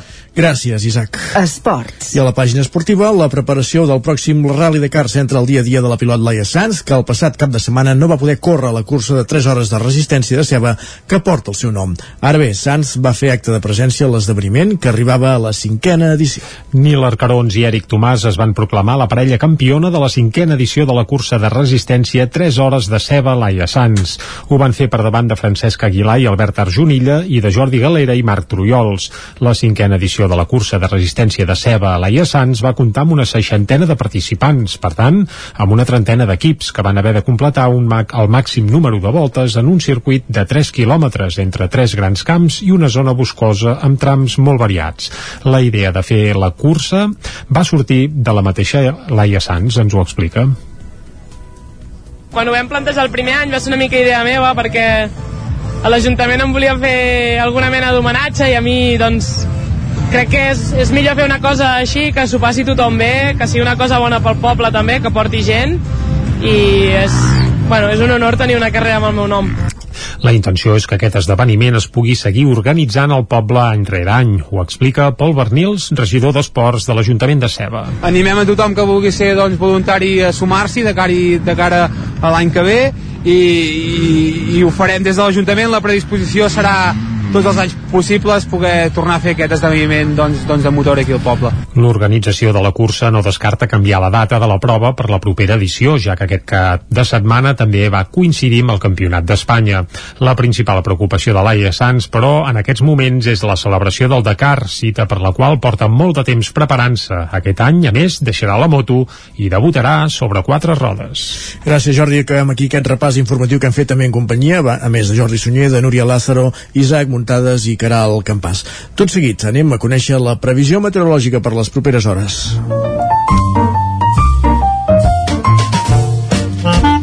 Casa Terradellos us ofereix el temps. I el temps, evidentment, ens el porta sempre en Pep Acosta, ja l'hem escoltat a primera hora, ens ha anunciat estabilitat, anticicló, algunes boires, però sembla que de cara a dilluns sí que hi haurà canvis, eh? El saludem de nou i que ens actualitzi la informació. Pep, molt bon dia. Molt bon dia. Uh, S'han format algunes petites boires. Uh, o grosses, depèn com No es són miri. encara boires aquelles uh, eh, molt, molt grans i molt, molt persistents, ni molt menys. Es dissiparan, però ja hi ha alguna boira, eh? Uh, també molt típic de l'hivern, aquestes boires, molt típic de comarques com el Moianès o Osona, que n'hi ha moltíssims dies a l'any, uh, per tant, del tot normal que hi hagi també aquestes boires. I és que estem nominats per això, eh, per aquest anticicló, eh, tota l'Europa Occidental hi ha aquest enorme anticicló, però que mica en mica s'està retirant cap a Europa de l'Est. Eh, I atenció, perquè els pròxims dies ben aviat entrarà una gran pertorbació atlàntica eh, que he vist els mapes i ja s'està formant a l'Atlàntic, és una gran, gran pertorbació Yep. i atenció que ens pot provocar de cara a dilluns i dimarts, eh? Ens ho els mapes seguirem. Mhm. perquè és una, una perturbació activa ens pot provocar bastanta pluja i neu a cotes bastant baixes però bueno, veurem què acaba passant però el que és veritat és que avui no nevarà enlloc ni molt menys tindrem aquest anticicló que com deia està situat a, a tota Europa Occidental i ens proporcionarà un temps eh, molt plàcid, eh, molt de sol alguna boira una mica més persistent però s'acabarà dissipant i unes temperatures màximes eh, bastant agradables al migdia. Eh, màximes entre els 12 i els 17 graus a les nostres comarques. Els vents van calmant eh, aquest anticicló va, va calmant la situació i com deia sol tant al matí com a la tarda. A disfrutar del dia i demà ja estarem més pendents d'aquesta pertorbació atlàntica que es va formant i que mica en mica anirem dient uh, què passarà uh, on pot nevar, on pot ploure uh -huh. i una baixada important de les temperatures que tenim la setmana que ve, eh? mica en mica ho anirem explicant tot plegat. Moltes gràcies, fins demà, adeu, bon dijous Doncs vinga, moltes gràcies, Pep, i ens quedem amb això, que ens queden encara uns quants dies d'estabilitat, si més no fins diumenge, boires, anticicló, fred a les nits, eh, solet d'aquell agradable als migdies, i sembla que de cara a fi, les últimes hores de diumenge i de cara sobretot a dilluns, doncs que s'acostarien canvis amb aquesta pertorbació que ens podria dur, segons en Pep, pluges importants. Evidentment ho seguirem com sempre aquí a Territori 17. Tanquem ara la pàgina meteorològica i quan passa mig minutet d'un quart d'onze del matí fem una petita pausa i anirem de seguida cap a l'entrevista avui per parlar de la festa de la Ratafia de Cardedeu. De seguida en coneixem més detalls. Casa Tarradellas us ha ofert aquest espai. Territori 17. Envia'ns les teves notes de veu per WhatsApp al 646 079 023. 646 079 023. WhatsApp Territori 17.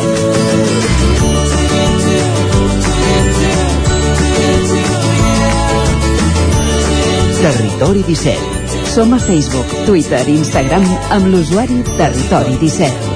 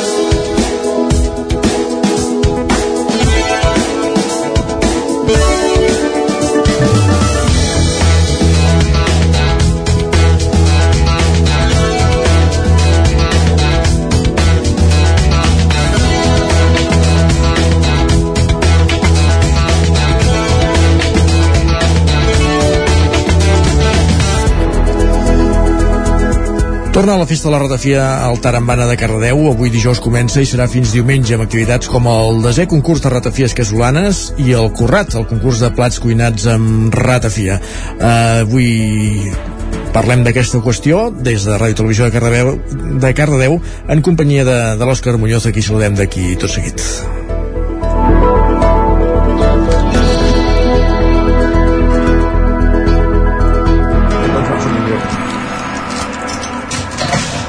Òscar, bon dia. Bon dia, doncs, doncs sí, estem aquí avui per parlar amb l'Andreu Vila del Tarambana perquè ens expliqui aquesta festa de la ratafia, d'aquesta beguda tradicional que tant es porta aquí a Cardedeu com altres indrets de Catalunya, Osona, Ripollès, la Garrotxa, tots aquests llocs. Eh, però, bueno, avui estem això, per parlar. Bon dia, Andreu.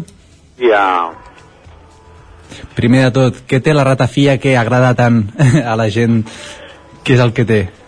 Ostres, doncs, uh, no sé, jo crec que és uh, uh, estima el territori o, o a l'Onostrat, no? Uh, he de dir que jo uh, tinc 45 anys uh, i quan en tenia 18 no bevíem ratafia. Eh, Veiem que era una cosa com molt obsoleta i antiquada i bevia morujo. I, i, bueno, i ara...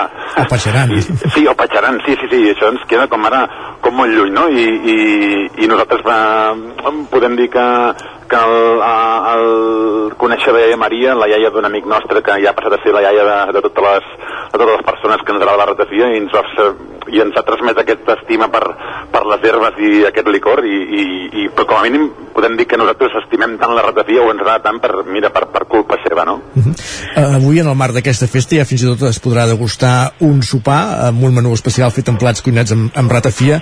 Quin tipus de plats uh, podem trobar en aquest menú i, i quin, quines particularitats té la ratafia a la cuina? Doncs uh, uh, nosaltres por- formem part del col·lectiu Slow Food i, i amb això amb els anys fas amics i aquests amics cuiners uh, els hem rodat perquè vinguessin aquí a fer una cuina en directe uh, i tindrem una crema de cigró, el cigró amb gírgol de castanyer i, i, i saltada amb ratafia, un carpaccio de peus de porc, un barat uh, també escabatxat amb ratafia, una galta de vedella amb ratafia i bolets, una mousse de ratafia i un flam de ratafia amb borrego i uh, uh, i amb, ara no, no ho trobo divia escalivada, o sigui que serà una cosa com molt, molt així moderna i tal. I la ratafia, hosti, combina uh, amb moltes coses. Uh, el ser dolç, evidentment, combina amb, amb, o combina amb moltes postres, però, hosti, a, a, la gent ha anat provant i, i combina també amb, amb, amb molt salat, no? La ceba i la ratafia lliguen molt bé per qui vulgui i ens escolti i vulgui uh, provar-ho uh, qualsevol plat, un estofat, uh, alguna cosa uh, que hi hagi ceba, doncs la ceba absorbeix molt bé la ratafia i els seus gustos i, i, i és una combinació no sé si perfecta però, però bastant excel·lent Hem comentat de que la gent ho pot provar. Eh, dissabte també hi haurà aquest, eh, a part de, bueno, a part d'avui aquest menú degustació, eh, també hi haurà eh, dissabte hi haurà aquest concurs, no?, al Currat, eh, de gent de Cardedeu que s'hi apunta per crear aquests plats amb, amb aquesta beguda. Sí. Eh, quin, què sol portar la gent a, a aquests concursos? Què, què és el que barregen la ratafia amb ceba? Sí, bar- barregen tot. El, el, el, el curat eh, és de plats cuinats amb ratafia, no? Eh, el que fem avui de manera més professional eh, ja fa anys que ho fem de, de manera amateur, no? Una mica eh, eh, emulant aquests concursos televisius, no? Que, que estaven o estan de moda i, i, i això, i poder fer un concurs així eh, al mig del Taramana doncs és, és un luxe, no? I la gent eh, al llarg d'aquestes edicions, que deu fer eh, 5 o 6 anys que ho fem, eh, ha fet de tot, ha fet des de polls i gelats amb ratafia a, a conill eh, amb ratafia o uns calamars farcits o, o una crema de, o una sopa de ceba amb ratafia eh, etc etc. Sé que enguany hi ha eh, un noi que està provant eh, un bacallà Mm -hmm. és una cosa com molt arriscada, no? Uh, que jo no, no, jo no ho he provat mai. Uh, un bacallà amb ratafia i, i bueno, i es comencen a escorrer algunes esferif esferificacions fins i tot, eh? Vull dir que... Sí, sí, sí, sí, sí, sí, sí Déu-n'hi-do, Déu-n'hi-do. Déu Ara hem parlat des del punt de vista de, de la cuina, però evidentment una de les joies d'aquesta festa és el concurs de, de ratafies pròpiament dita. Eh, concursos de ratafies n'hi ha diversos eh, arreu de la geografia catalana. Eh, qui participa en aquest de Cardedeu? És públic eh, local o ve gent de, de diferents punts? Hi ha nivell? Diguéssim, la ratafia que es, fa aquí, que es presenta en aquest concurs, val la pena degustar-la? Ah, hi, hi ha de tot, eh? O sigui que aquí re- som un restaurant ecològic i reivindiquem que no tot el eco és bo, eh? Vull dir que moltes coses sí, però, però hi ha coses que no. I per tant, en, en el mateix sentit, eh, moltes de les són bones, però algunes no. Algunes, eh, eh, són d'aquelles que tiren enrere. Eh, es presenta, eh, enguany no ho sabem, és una, una, un any eh, rar perquè venim d'on venim eh, i, i sembla que la cosa està mig aturada. Eh, normalment rebem unes, al voltant d'unes 20, 20, 25 ratafies eh, i enguany eh, estem arribant a la meitat tot just, eh? I, i, però, però bé, els altres anys, eh, que serà el que de, de parlar de manera generalista, eh, ha vingut ratafies de, del Priorat, ha vingut ratafies de Santa Coloma, de Santa Coloma de Farners, que per nosaltres és eh, la meca de, de la ratafia i la setmana passada vam estar eh, també aprenent perquè vam fer un, un congrés de licors de sobretaula i vam poder aprendre doncs, a fer com es fan les ratafies a diferents, als alcohols diferents que hi ha o els sucres que hi has de posar o les herbes, no? I, i vam aprendre molt. Vull dir que eh, tenim la sort que ens arriben no de tot el tot territori, que ja ens agradaria, però dir que bàsicament el, el 80% són de gent de Cardedeu o, o el Vallès i llavors sí que tenim gent que, que, que participa a altres llocs. I després tot això, eh, la guanyadora, la ratafia guanyadora, eh, la jutja, tenim un jutjat, qui, qui forma part de- d'aquest grup? Tenim un I jurat també de- si hi ha premis... Sí, uh, Mhm. Tenim uh, un jurat que, que diríem que és uns de, del, dels que fan uh, o munten la, el concurs de ratafies de Santa Coloma, uh, que és en Salvador, uh, i que munta, és periodista gastronòmic i tal igual, uh, ja fa uns quants anys que ve, a fer-nos de jurat eh, i llavors ve el, en Joan Berniol també que és de Vic que està eh, vinculat al món de la cervesa i dels vins i, i també ens fa de jurat i els premis eh, del concurs de ratafies són eh, bàsicament lots de productes de territori no? vull dir que les ratafies territori per tant el que fem al Taraman és territori i per tant es poden endur doncs, eh, des de la cervesa Sant, un lot de cervesa Sant Jordi o de formatges de Can Bordoi o unes samarretes que posa ratafia o no sé, hi ha molts col·laboradors eh, Fruits Secs a Can Galderic que, que, que ajuden amb això i llavors el, el concurs Cura't, la Pascuinats, el qui guanya s'emporta un àpat per dues persones eh, un cop al mes durant un any. O sigui que, hòstia, que participar d'aquest concurs encara que facis un bunyol de, de, ra- de ratafia hòstia, si guanyes eh, eh, pots eh, hòstia, val la pena val la pena perquè crec que, el, Per, que està guai. per aquest premi hi tindrem lluitant a la, a la Maria López sí. que ja han comentat que s'hi presentarà així que segurament estigui allà lluitant per aquest premi que segur que li agradi. Eh, has perdut la comentat que comunicació- veuen a... Òscar, hem perdut la comunicació amb el Taramban, em sembla. Ostres. Uh, de fet, ja estàvem a la recta final d'aquesta entrevista, volíem explicar això, quan parlàvem amb l'Andreu Rifà d'aquesta festa de la ratafia del Tarambana de Cardedeu, que convertirà uh, aquest bar durant tot aquest cap de setmana doncs, amb la- amb l'epicentre de- d'aquesta d'aquesta beguda. Òscar, però la cosa acabarà amb música diumenge, oi que sí? Sí, acabarà amb un acabarà amb un espectacle infantil i després a la tarda sí que hi haurà un, un concert amb Lola and the Rhinos. Doncs amb És aquesta- un grupet així de música jove. Molt bé. Doncs amb aquesta música, amb aquesta banda que veiem aquesta entrevista. Gràcies, Òscar. A vosaltres.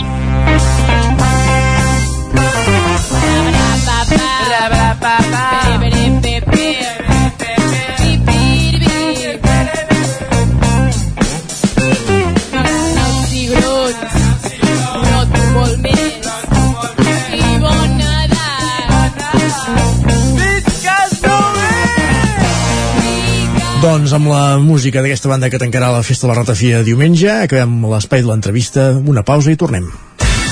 El nou FM, la ràdio de casa, al 92.8. Pot ser l'entrepà de l'escola, que molts nens s'han tornat a oblidar. pot portar-vos al sopar i després haver de fer cua per portar menjar a casa. La nova pobresa puc ser jo, pot ser tu. Ningú no està preparat per a la pobresa, però junts podem fer-li front. 19 i 20 de novembre. Necessitem voluntariat. Registra't a granrecapta.com. Gran recapta d'aliments. Rètols 2A. Experts en comunicació visual. Rètols, banderoles, vinils, impressió, plaques gravades, senyalització, displays... Rètols Dos Art. Ja són 25 anys al vostre servei. Ens trobareu a la carretera de Vic a Olot, número 7, al polígon Malloles de Vic. dosartvic.com Telèfon 93 889 2588. El diumenge 21 de novembre vine a la tercera edició de la Fira del Fredeluc i la Botifarra a Santa Eulàlia de Riuprimer. Participa a la sortida boletaire amb l'expert Marc Casabós, activitats familiars, artesans, jocs infantils tradicionals, fira de productes de proximitat i molt més. I a les 12 del migdia, tas de productes elaborats amb bolets. El 21 de novembre, Fira del Fredeluc i la Botifarra a Santa Eulàlia de Riuprimer. Més informació a santaeulàliariuprimer.cat. Saps què és el confort intel·ligent? És tenir un terra radiant Giacomini a casa. Benestar que no es veu, però es nota tot l'any. I que pots controlar a distància des del teu mòbil, estalviant energia i diners. Suma't al confort intel·ligent amb Giacomini. Informa't a giacomini.es o truca al 93 884 1001 i t'ajudarem a tenir un terra radiant a casa o a l'oficina. Giacomini, la climatització que et mereixes. Cobertes serveis funeraris. Els nostres tanatoris estan ubicats en els nuclis urbans més poblats de la comarca d'Osona per oferir un millor servei. Tanatori de Vic, Tanatori de Manlleu, Tanatori de Centelles i Tanatori de Roda de Ter. Sabem que són moments difícils i per això el nostre compromís és atendre-us en tot moment amb un tracte humà, sensible i respectuós. Cobertes serveis funeraris. Telèfon 24 hores 93 883 23 46. Cocodril Club. Si t'agrada la bona música dels anys 60, 70 i 80, escolta el 9 FM els matins de dissabtes i diumenges d'11 a 1. És el temps del Cocodril Club, tot un clàssic de la ràdio, amb les bases del pop-rock, les llegendes, les cançons que s'han convertit en autèntics himnes. Recorda, dissabtes i diumenges al matí, d'11 a 1, al 9 FM 92.8. Cocodril Club, el programa revival de l'Albert Malla. Hasta luego, cocodrilo. El nou FM, el nou FM, el nou FM, el nou FM, el nou FM. I ara mateix són dos quarts d'onze al territori 17.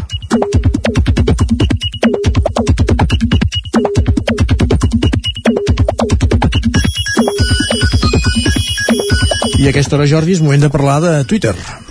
Avui, i avui tenim sorpresa, eh? perquè ah. hem anunciat la presència d'en Guillem Sánchez i ens visita la Natàlia Peix i estem molt contents de, de que la tinguem aquí. Natàlia, molt bon dia. Bon dia Farà de Guillem, per això, eh? Ens Ah, portarà també uns quants tuits i posarem una mica de salsa. I Natàlia, per on ho arrencarem, això, avui? Doncs vinga, comencem amb una reflexió sobre el decret que permetrà tenir el batxillerat amb una assignatura suspesa que ha aprovat el govern espanyol Uf. i que també desvincula la repetició de l'ESO del nombre d'assignatures suspeses. L'usuari Sam Alcove diu d'aprovar l'ESO independentment del suspens que tingui se'n diu legalitzar allò que ja està passant. També he de dir que el debat és més complex que suspendre aquell que suspèn.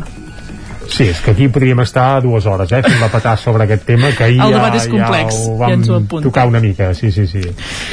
Sobre mobilitat, en relació a un titular de BTV que diu taxis aeris, repartidors robotitzats o geolocalització de ramats a l'Smart City Expo World Congress, 400 ciutats i regions del món es troben a Barcelona per parlar de la mobilitat del futur.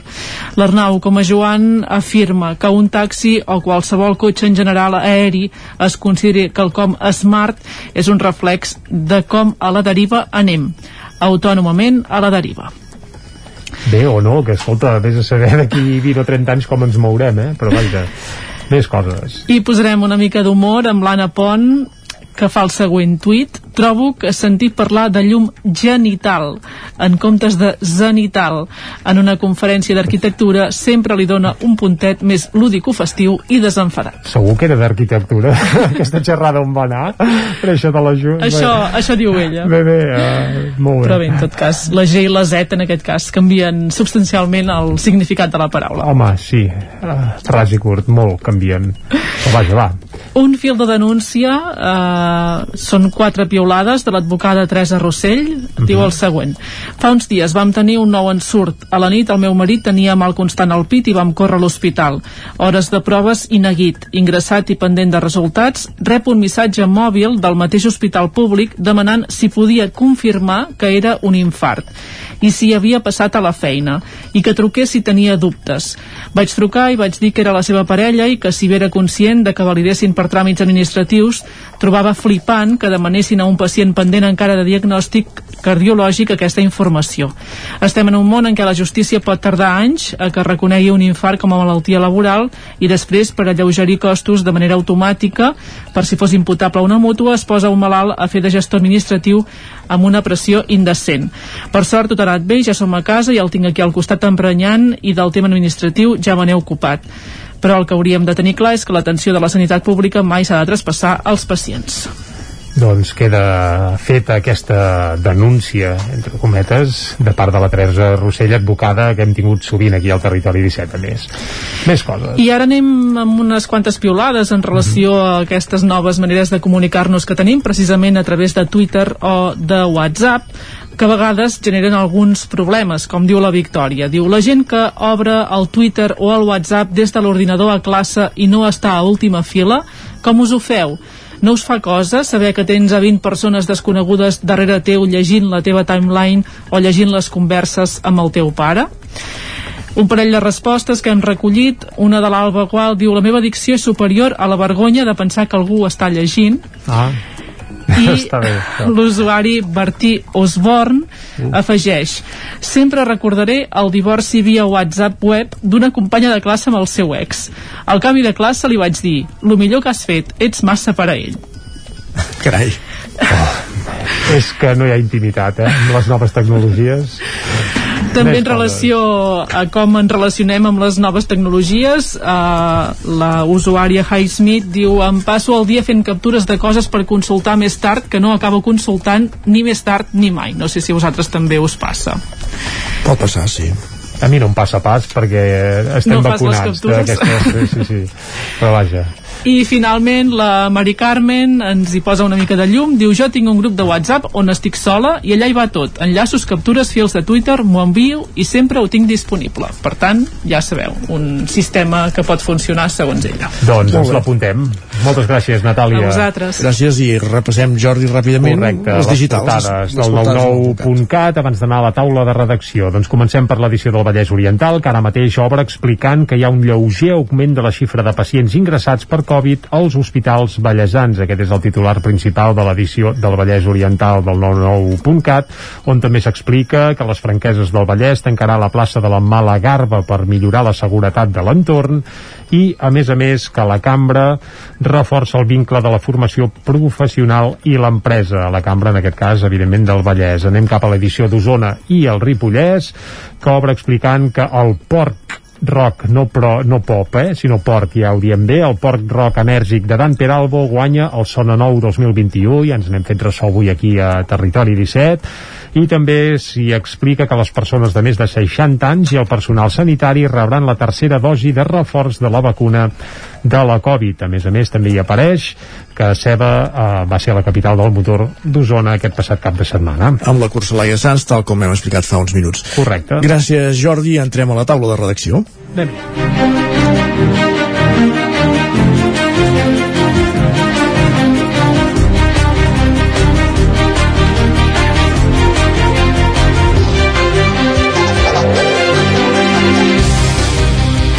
I a la la taula de redacció avui ens esperen, ens hi acompanyen en Jordi Vilarrodà i l'Isaac Muntades. Jordi, parlem de, de dades, parlem de les dades de la preinscripció o de la matrícula, ara ja millor dit, de la Universitat de Vic, Universitat Central de Catalunya, que bat rècords, oi? Efectivament, eh, hi ha unes bones dades de matrícula de la UBIC, eh, tenim eh, les dades definitives ja perquè s'ha acabat doncs, tot el període de matriculació, que la tardor sempre s'allarga una mica i ara es pot donar doncs, ja la dada concreta de quants eh, estudiants té la Universitat de Vic, Universitat Central de Catalunya. El titular de la presentació que se'ns va fer eh, abans d'ahir és que per primera vegada el conjunt de la UBIC UCC supera els 10.000 alumnes, una barrera, diguem, una, una xifra d'aquestes psicològiques eh, que, que situa doncs ara mateix el nombre d'estudiants en 10.821 eh, 10.821 inclou els estudiants no només de grau sinó els que fan també postgraus eh, màsters, és a dir fins i tot tesis doctorals però que són alumnes que estan matriculats.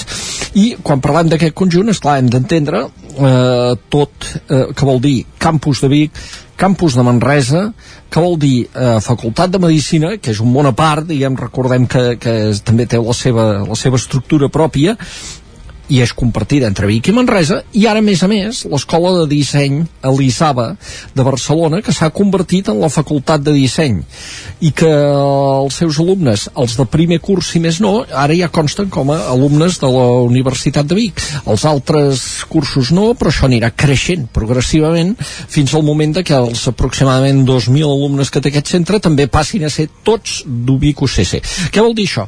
que la universitat eh, nostra podríem dir es situa en, el rànquing d'universitats catalanes eh, estaria doncs entre les, les, de, les mitjanes diguem, si considerem les grans com l'Autònoma o la Universitat de Barcelona després vindria aquesta categoria d'universitats mitjanes que entraria la, la de Lleida que ja l'hem superat en nombre d'estudiants la de Girona que està més a prop la Rovira i Virgili de Tarragona Reus o fins i tot la Pompeu Fabra que se situarien entre els 10.000 i els 15.000 estudiants.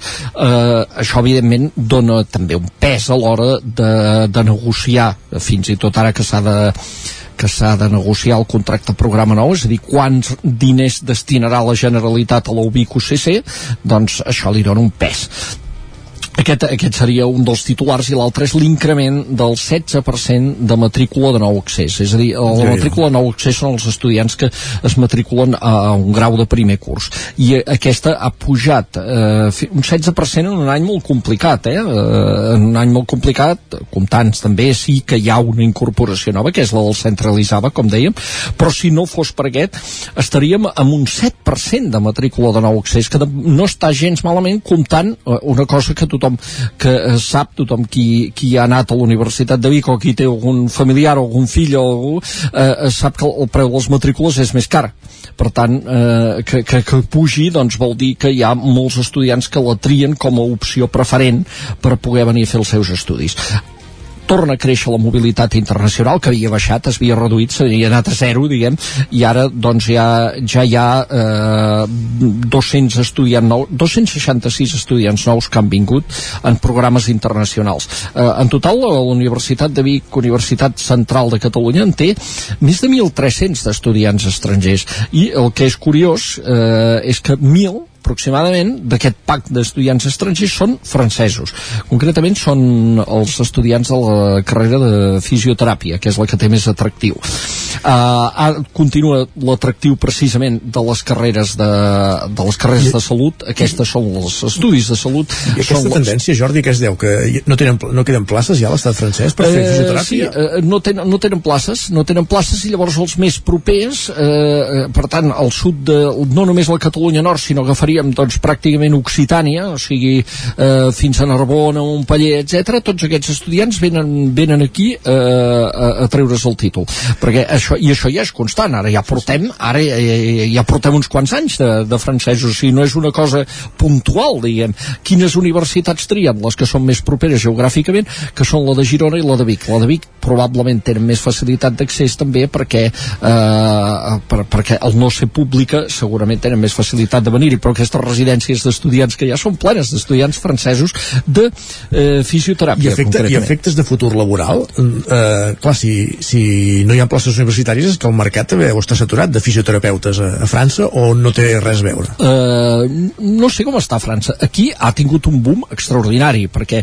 els fisioterapeutes han a part de que tots nosaltres hem vist com els utilitzem molt més els seus serveis que, Està clar. que no, temps enrere també en el món de l'esport doncs també s'ha han tingut molta sortida han tingut molt, moltes possibilitats laborals i, i, i, i esclar, la majoria dels que venen aquests francesos sí que és veritat que se'n van exercir professionalment al seu país. No, no és que es quedin aquí diguem. O sigui, no és una de dir, allà trobarem feina de... no, no, se'n tornen. Se'n tornen a casa seva, sí, sí. perquè també hi tenen feina? Doncs en fi, eh, és una de les carreres que té, que té èxit. No? i en general totes les de salut eh, són carreres que tenen molt bona acceptació també i això també s'ha notat.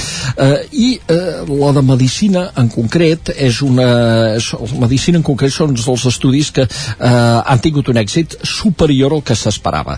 En aquest cas eh, quan es van crear els estudis de medicina estàvem parlant doncs d'uns un centenar d'estudiants a cada curs eh, aproximadament eh, 157 matriculats de nou accés aquest any, 157 la matrícula de primer curs ha pujat també un 7% i aquí sí que paguen, paguen molt més encara aquests estudiants. Eh, però és que hi ha hagut més de 1.100 sol·licituds per venir a la Facultat Mare de Medicina de, de la UBIC. O sigui, més de 1.100, amb, eh, comptant que la nota de tall, i això qui estigui al cas de notes de tall ja ho sabrà, és de 12,4, o sigui que és una nota de tall altíssima, a més a més. Eh, en fi, tot, tot això és un conjunt de dades eh, que, que es valora molt positivament. El campus de Manresa creix notablement, també, i que, a més a més, impulsa l'universitat eh, que ara té projectes molt importants entre mans eh, entre els projectes estratègics que se'ns van explicar hi ha sobretot el de l'IRIS un centre de recerca en salut que serà compartit per tota la UBIC UCC um, i, que, i que es presenta com un dels projectes més potents en aquest moment ja n'hi ha un que és el centre Beta aquest sí. de temes mediambientals, per entendre'ns, així en general, i aquest serà en salut. Eh, faltava aquesta pota de recerca en salut a la Catalunya central que s'assumirà des de la universitat i, i, i s'hi posen moltes esperances en què sigui un, un centre molt potent. Fins i tot aquests centres tindran a partir d'ara una, una estructura, o sigui, una personalitat jurídica pròpia. Es constitueixen com a fundacions i poden incorporar eh, socis, diguem, de fora de la universitat. I, i, i entre alguns altres projectes que, que hi ha, per exemple, també podem destacar el de construcció del Paraninf de la universitat. El Paraninf és com la sala d'actes solemne de qualsevol universitat i s'està estan començant les obres, de fet ja s'està fent aquí al, a l'església de l'antic hospital de la Santa Creu, lligada amb el rectorat i, i les obres eh, es faran durant aquest curs, per tant, els actes solemnes de la universitat, a partir del curs que és, a més a més els farem en una sala gòtica, eh, en fi, impressionant, eh, que, que, que també donarà eh, allò aquell prestigi que gairebé semblarà de les, de les universitats europees. Aquí la universitat va fent aquestes com taques aquí eh, a, a, a diferents llocs de la ciutat, a diferència de Manresa, que allà concentren en un mateix, en un mateix zona del, de la ciutat tots els seus serveis. Perfecte, Jordi, moltíssimes gràcies doncs, per portar-nos al detall aquestes dades de matriculació de, de l'UBIC i totes aquestes altres notícies que en pengen. Continuem a la taula de redacció i ara en companyia de l'Isaac Muntades. Bon dia, Isaac. Bon dia, Isaac. Per parlar de- d'aquesta via verda de, de Ripoll que va, va creixent, diguéssim, eh? Sí, va Ripoll- creixent- Del, del Ripollès, perdó, vull dir. Exacte, sí, no, no, però ja ho dius bé perquè surt de, de Ripoll com aquell que diu l'epicentre i en el fons el que vol és anar fins doncs, a tot el que seria la vall de Camprodon uh, fins a set cases i, i l'altre dia, el divendres passat es va inaugurar un nou tram d'aquesta via ciclista del Ter, que es diu així precisament doncs, perquè discorre paral·lel a, a, en aquest riu, i bàsicament és, és un tram petit, eh? és un tram de dos quilòmetres i mig aproximadament entre el pont de Parella, que està situat a Sant Joan de les Abadeses, fins a Sant Pau de Segúries, que connecta doncs, a, a aquesta població. Per tant, doncs, realment és, és un benefici per als habitants eh, del poble primer, perquè tenen una zona doncs, per poder passejar eh, al costat de casa i també eh, per tots aquells eh, cicloturistes, que sobretot són els que utilitzen aquestes vies, a banda de la gent que, que camina també, evidentment, eh, i bé, que a poc a poc doncs, es va vertebrant doncs, aquesta via ciclista que ha d'arribar doncs, a- de set cases. Es connecten doncs, pràcticament ja eh, 17 quilòmetres eh, fins a, a Ripoll i, i dir-vos bàsicament res, quatre detalls. És una via que és força ampla, eh, 3 metres i mig en alguns llocs i que s'hi han construït, això poder és el que més destaca perquè és molt visible, eh, quatre passeres metàl·liques que es veuen bastant bé, la veritat, que això a vegades ha creat controvèrsia en alguns llocs, eh, eh, dient doncs, que potser s'haurien d'haver dissimulant més, però realment eh, amb el temps eh, suposem que també eh, s'aniran integrant eh, amb l'entorn i de fet les que s'hi havien fet abans eh, fins a arribar a la colònia Lleudet doncs també ja, ja es veuen menys no? per tota aquella gent que hi passa, ja s'hi han acostumat eh, dir-vos que no tothom ha rebut amb, amb bons ulls aquestes eh, vies eh, des Sí, vaig sentir algun tall d'Unió de Pagesos l'altre dia, curiós, és veritat, sí.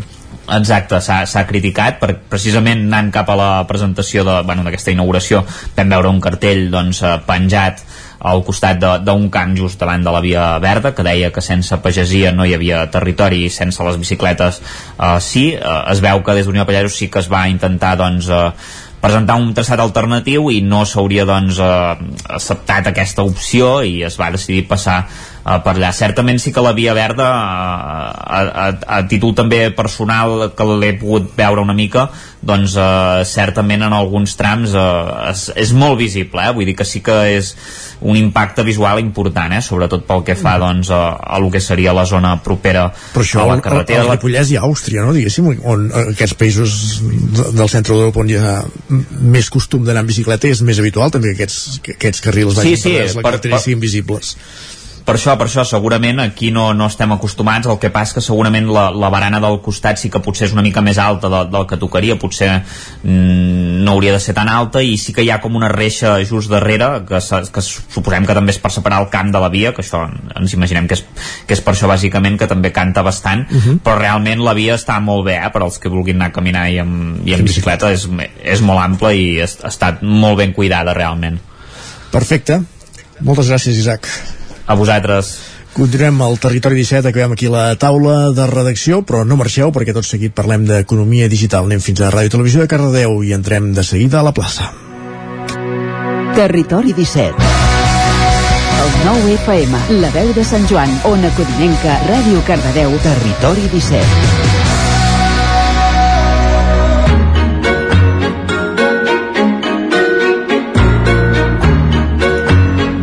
11 minuts i seran les 11. Saludem primer de tot a la Maria López des de Ràdio Televisió de Cardedeu. Bon dia, Maria. Molt bon dia, Isaac, com estem? M'han dit que has arribat just perquè estaves fent un plat amb ratafia, però per participar no sé quin concurs, eh? Estic, és que, és que, perquè no ho puc, no és que no pugui dir-ho, és que no ho vull dir, Ah. perquè hi ha competència aquest dissabte, Sí. i no penso donar pistes. Però jo m'he inscrit al Curet amb la meva germana i ja guanyarem, guanyarem. Vull I dir, la gent no ho sap encara, però guanyarem. això aquí a la plaça, per exemple. Mira, si s'obre alguna cosa el dissabte, que això, no, això és el que ja no veig tan clar, jo us faig un tàper i us l'envio cap a Vic Perfecte. i, i feu aquest tastet, però, Molt bé, molt bé. però jo, crec, jo crec que guanyarem. Ja, ja em sap greu dir-ho així, però bé. és Ho el celebrarem. Uh, per, hem parlat de ratafia abans, ara parlem d'economia digital, oi? Correcte, perquè com ja sabeu, una de les raons de ser d'aquesta plaça nostra és la d'aterrar i fer entenedors alguns conceptes al voltant de l'economia digital i de la nova economia, no?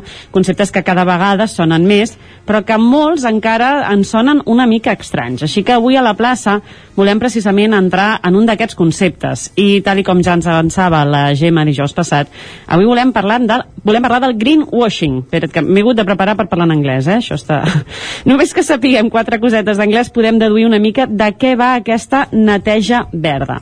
Però per resoldre del tot aquest dubte, per saber quines conseqüències té per als consumidors i per saber detectar-lo, avui contem una setmana més amb la Gemma Vallet, ella és la directora de màrqueting d'11.cat. Bon dia, Gemma. I a l'altra banda del telèfon ens acompanya la Laia Govern, ella és directora de marca d'11.cat. Bon dia, Laia. Bon dia, què tal? Uh, Laia, des de la distància, però pots intervenir en qualsevol moment que, que vulguis perquè, perquè hem d'acabar d'esbrinar i hem de resoldre moltes coses sobre aquest greenwashing. Per començar, dèiem que aquesta traducció, eh, traducció així fàcil de l'anglès de neteja verda ja ens dona moltes pistes, però què és exactament el greenwashing? Com estaves apuntant, Maria, mm, bàsicament es tracta de fer creure la, a la gent que una empresa o una marca està fent més per protegir el medi ambient del que veritablement està fent. Per tant, el que estem dient és una, és una pràctica abusiva, no? perquè està fent veure que una empresa sembli més respectuosa respecte al medi ambient i no està complint al 100% les garanties per ser una empresa sostenible. No? Llavors, continua sent, per exemple, a un terme que està vinculat des de un màrqueting que fa un maquillatge i dona uns missatges que porten al consumidor a tenir una conducta errònia perquè tu estàs comprant una cosa que penses que és ecològica i no és tan ecològica com s'estan venent no? Llavors aquí està la, la gravetat del tema de que el greenwashing és una pràctica eh, no correcta per part de les empreses no? El que passa és que d'alguna manera és com si ja l'altre dia a l'última l'última secció de la plaça ja parlàvem precisament d'aquesta responsabilitat social per part del consumidor, no? que moltes vegades costa i que s'ha de fer una feina, si a sobre per part de, de qui ha de vendre et trobes aquestes juguesques d'alguna manera no? de, de fer veure que malaguanyats, no? Perquè mal, els consumidors no acabem de complir i les marques no acaben de ser sinceres en aquest sentit. Al final sembla tot una posada en escena per fer veure que ens estem preocupant pel, pel medi ambient.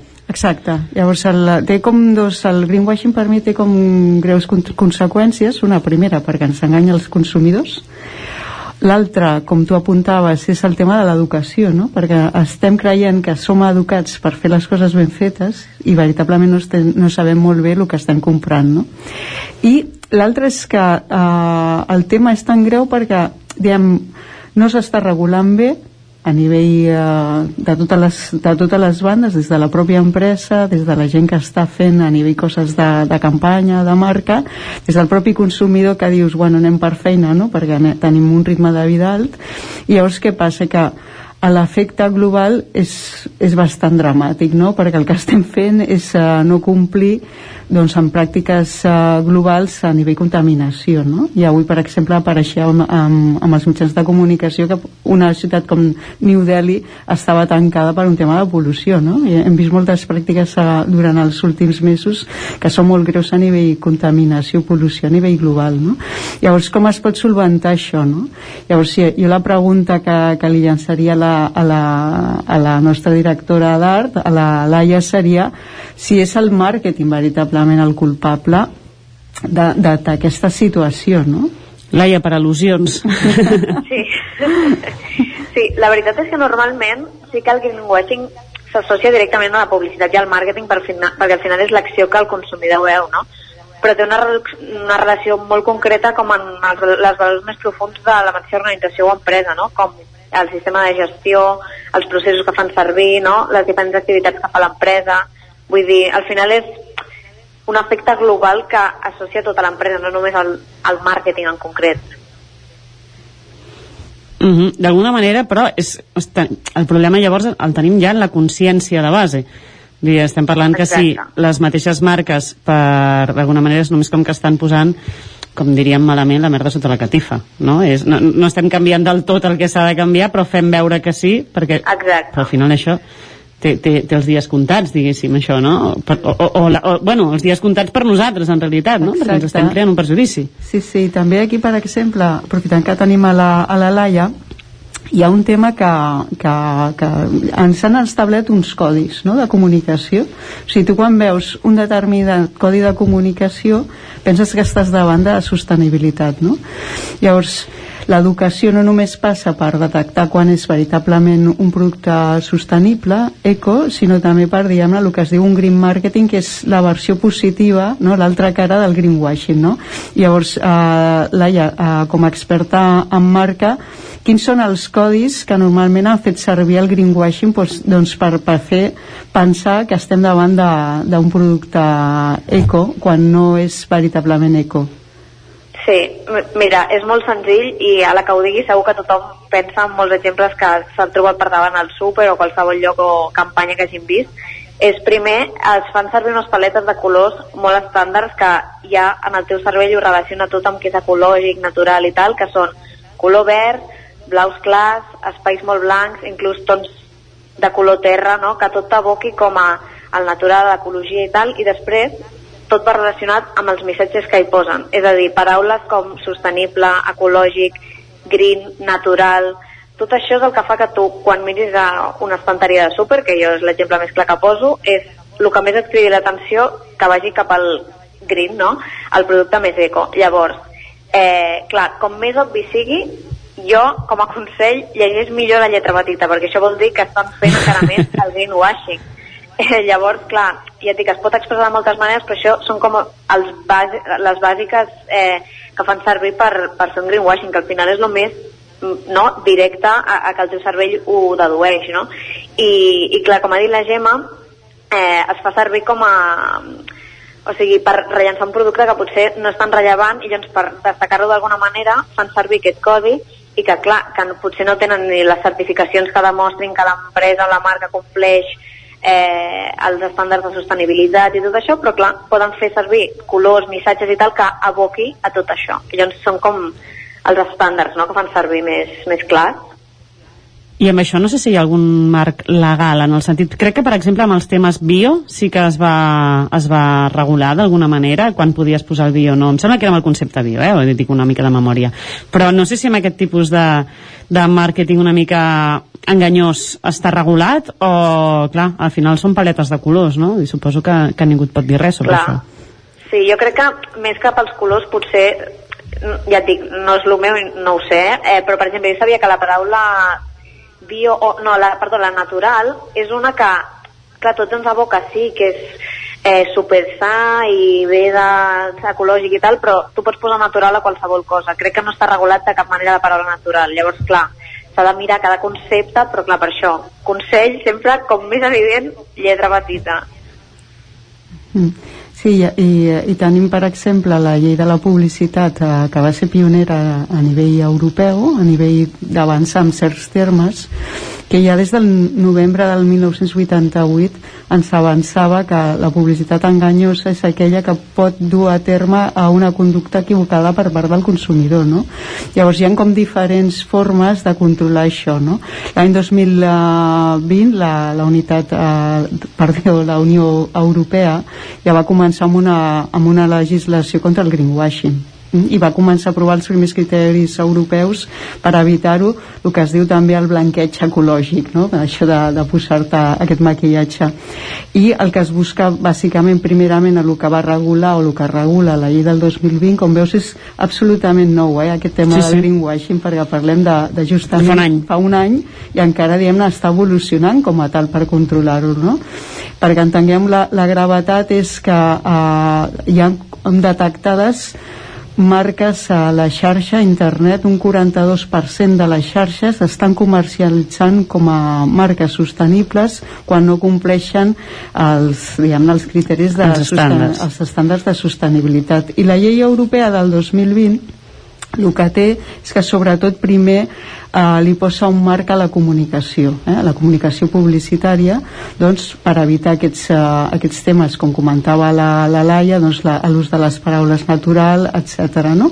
I que l'empresa sigui capaç de demostrar més enllà de que no només és un, un, un, un pamfleto publicitario, sí, un, un brochure, sinó que és eh, una pràctica que des de l'origen, des de l'ADN de la pròpia empresa, s'estan complint totes les normes de sostenibilitat des de la creació del producte fins a la seva posta en escena dins del, dels punts de venda i fins a la seva comunicació publicitària perquè al final el que és la comunicació publicitària i el màrqueting és la, la, la punta de l'iceberg no?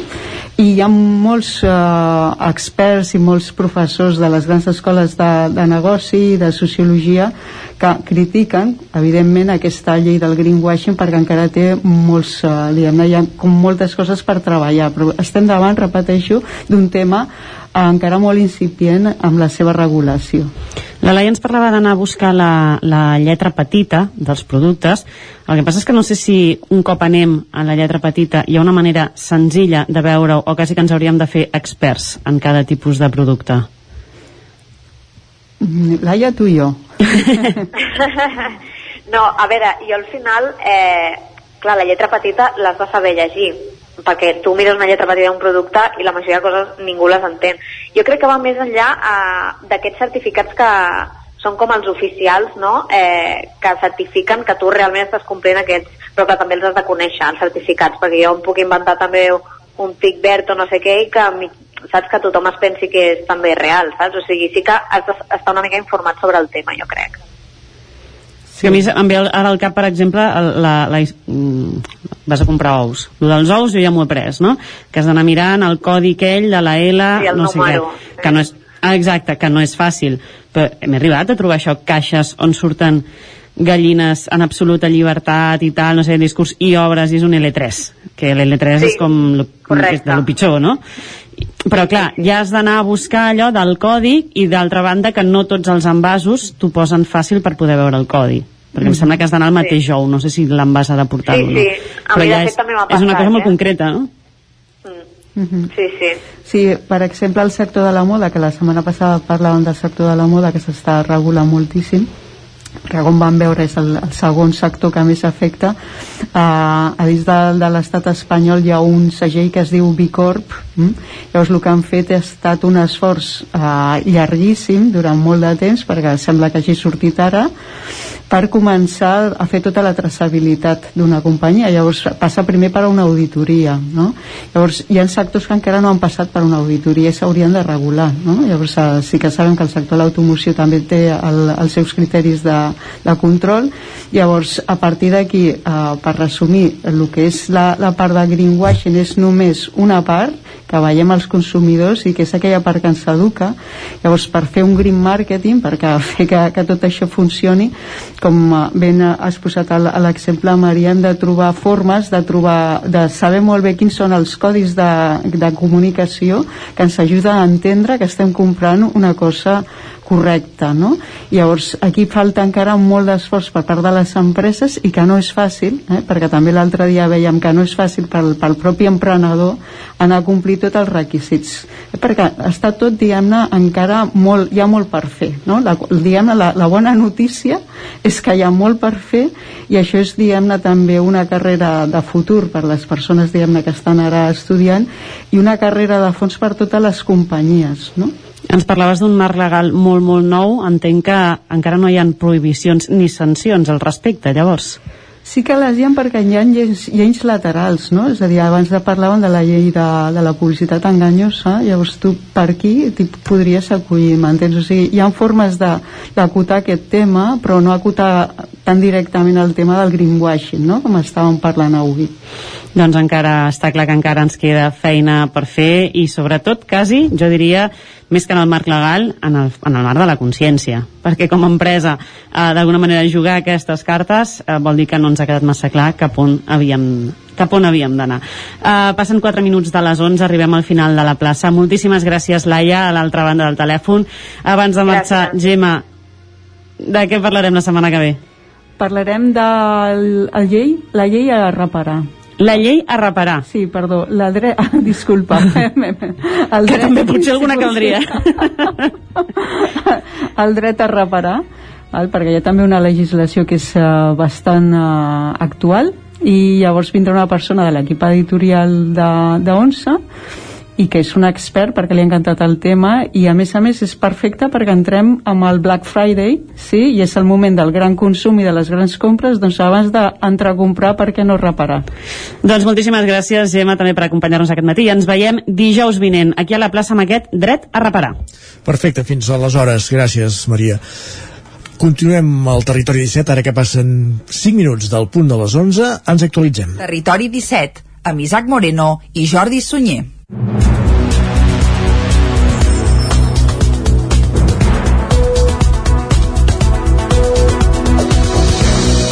I a aquesta hora els expliquem que els índexs de la pandèmia de Covid-19 tornen a anar a l'alça. Osona és en aquests moments la cinquena comarca catalana amb un risc de rebrot més alt de 287 punts i amb una velocitat de propagació del virus d'1,63. La setmana passada, un total de 178 persones van donar positiu a Osona, mentre que 15 dies abans havien estat només 87.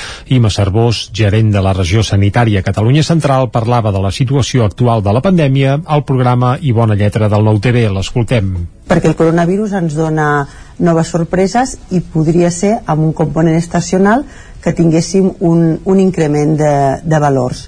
Ara bé, també som conscients que tenim població, població altament vacunada, eh, a Osona, per exemple, 8 de cada 10 persones estan ben vacunades amb la pauta completa i aquest és un indicador molt important en relació a la contenció de la pròpia pandèmia. Els brots més importants, segons Cervós, s'han donat en escoles de primària on els alumnes encara no estan vacunats. És per això que demana que, sobretot a les escoles, no s'abaixi la guàrdia. I A les escoles doncs, hem de mantenir les mesures de prevenció, l'ús de mascareta, la ventilació, aquests grups bombolla i respectar les mesures en relació a la pandèmia perquè no tenim la vacunació. Cervós també va afirmar que almenys de moment l'augment de casos de Covid no ha fet augmentar la càrrega assistencial ni tampoc la pressió hospitalària. Més qüestions. Cohabitatge Baix Montseny és un projecte de vida intergeneracional ecològic i solidari que els seus impulsors volen que permeti als residents envellir junts.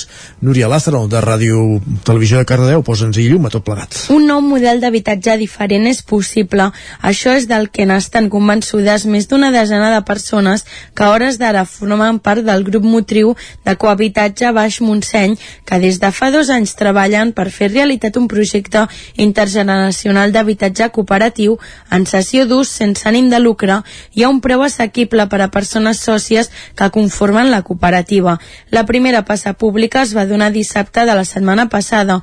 Una quarantena de persones van assistir al bar del Teatre Ateneu de Sant Celoni a la jornada informativa de cohabitatge Baix Montseny, comptant amb el suport de la Dinamo, una fundació que neix amb l'objectiu de fomentar i promoure la implantació del model d'habitatge cooperatiu i l'Ateneu Cooperatiu del Vallès Oriental.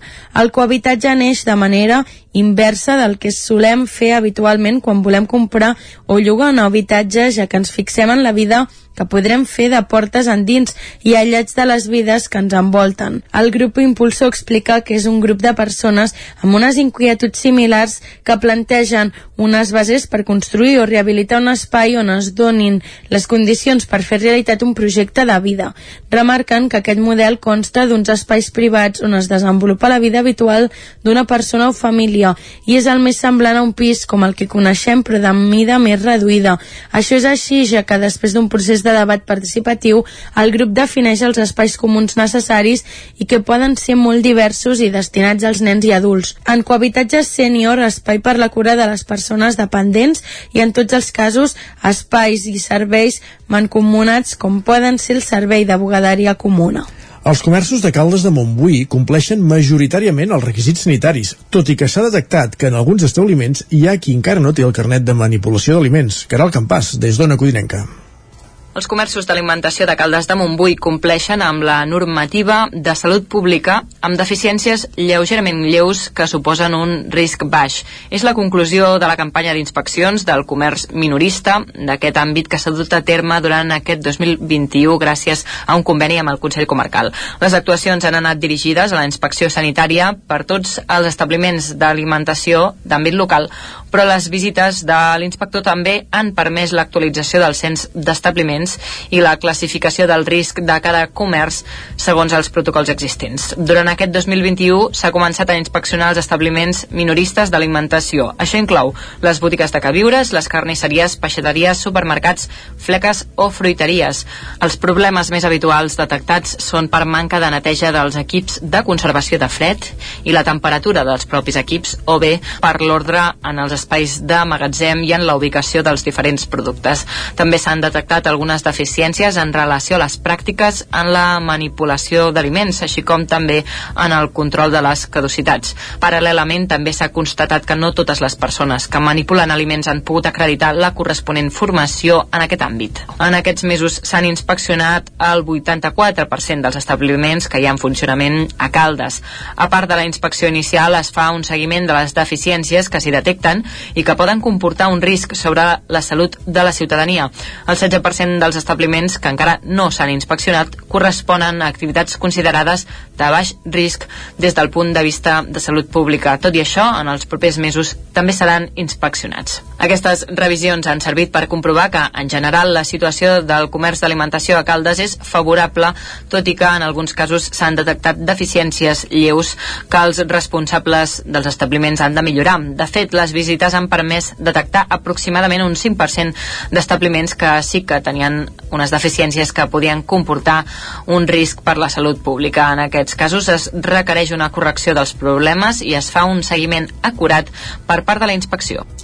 Molt bé, continuem més qüestions. Continuem parlant de comerç. Més de 60 comerços participaran a la campanya del Black Friday a Ripoll, Isaac Muntades, des de la veu de Sant Joan. Més d'una seixantena d'establiments de Ripoll s'han adherit aquest 2021 a la campanya del Black Friday. De totes aquestes botigues n'hi ha 25 que formen part de Ripoll Comerç, la Unió de Botiguers, però també n'hi ha 37 que encara no en són part. El més important és que, en comparació amb anys anteriors, el nombre de comerços adherits va en augment. Per exemple, el 2020 eren 43 i el 2019 només 35. Fins al pròxim 21 de novembre, fent una compra superior a 10 euros en aquests establiments, s'entren el sorteig de 5 vals de 40 euros per bescanviar durant el 26 i 27 de novembre. Per participar només cal posar el nom i telèfon a darrere del tiquet de compra i dipositar-lo a l'urna del mateix comerç. El pròxim dimecres 24 de novembre es farà el sorteig i se sabrà qui podrà gaudir dels vals. El divendres 26 i el dissabte 27 d'aquest mateix mes arribaran els dos dies forts de la campanya. Els aproximadament 60 comerços participants tindran activades un munt d'ofertes, a més de descomptes i promocions que es poden consultar a la pàgina web de Casa en un clic, que és la plataforma que vehicula totes les ofertes del Black Friday de Ripoll. La pàgina web segueix tenint un bon nombre de visites i serveix d'aparador de tot el comerç de la vila. A més, en el cas dels establiments que formen part del portal Respira de Compres al Ripollès i que, per tant, ofereixen poder comprar productes en línia, tenen vinculats els perfils en ambdues webs per afavorir que els clients puguin accedir-hi fàcilment. Per tant, es crea una gran plataforma de comerç en línia en la qual es poden consultar les ofertes de cada establiment i fins i tot comprar a través d'internet en alguns casos. Més qüestions, obrim pàgina esportiva. Esports. Pere Fita va acollir dissabte la segona edició del Rally de, segur... de regularitat per a vehicles clàssics Memorial Sant i Tort. 45 cotxes van participar d'aquesta exigent disciplina, en la qual els cotxes no han de córrer sinó mantenir el ritme. 45 vehicles clàssics de més de 25 anys van participar dissabte al segon ratll de regularitat Memorial Santitort de Parafita. La prova tornava després del parèntesi de la pandèmia i ho feia amb una bona inscripció i amb alguns vehicles emblemàtics de l'època. El rally era de regularitat, una especialitat molt complicada on guanya qui clava el temps previst per l'organització en els diferents trams del recorregut, que es mantenen oberts a la circulació.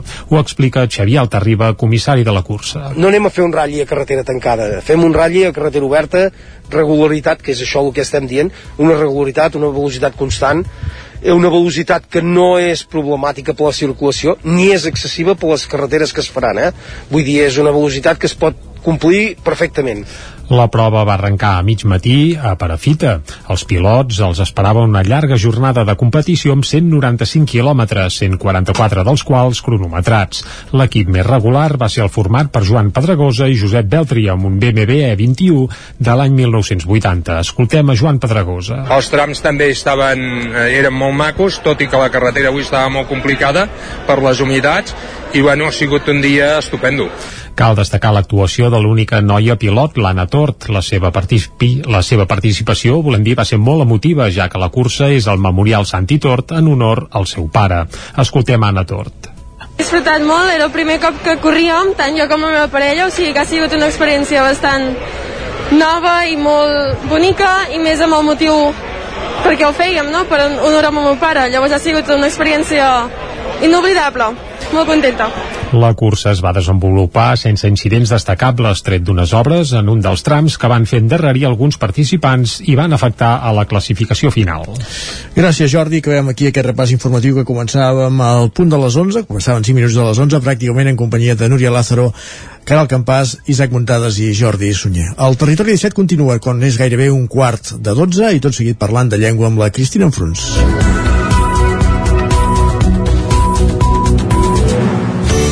Territori 17. Envia'ns les teves notes de veu per WhatsApp al 646 079 023. 646 079 023. WhatsApp Territori 17.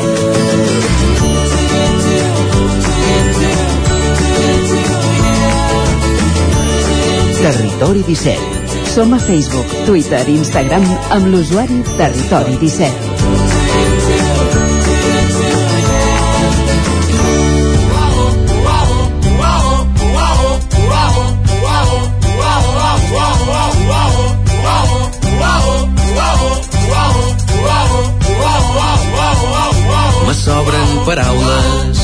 Agulla, fil de cosir, tisores, estufa, me sobren paraules, vermut, patates, olives, paraules molt curtes, pi, paraules molt llargues, esternoclesmastoideu, paraules molt fàcils, mamà, paraules difícils.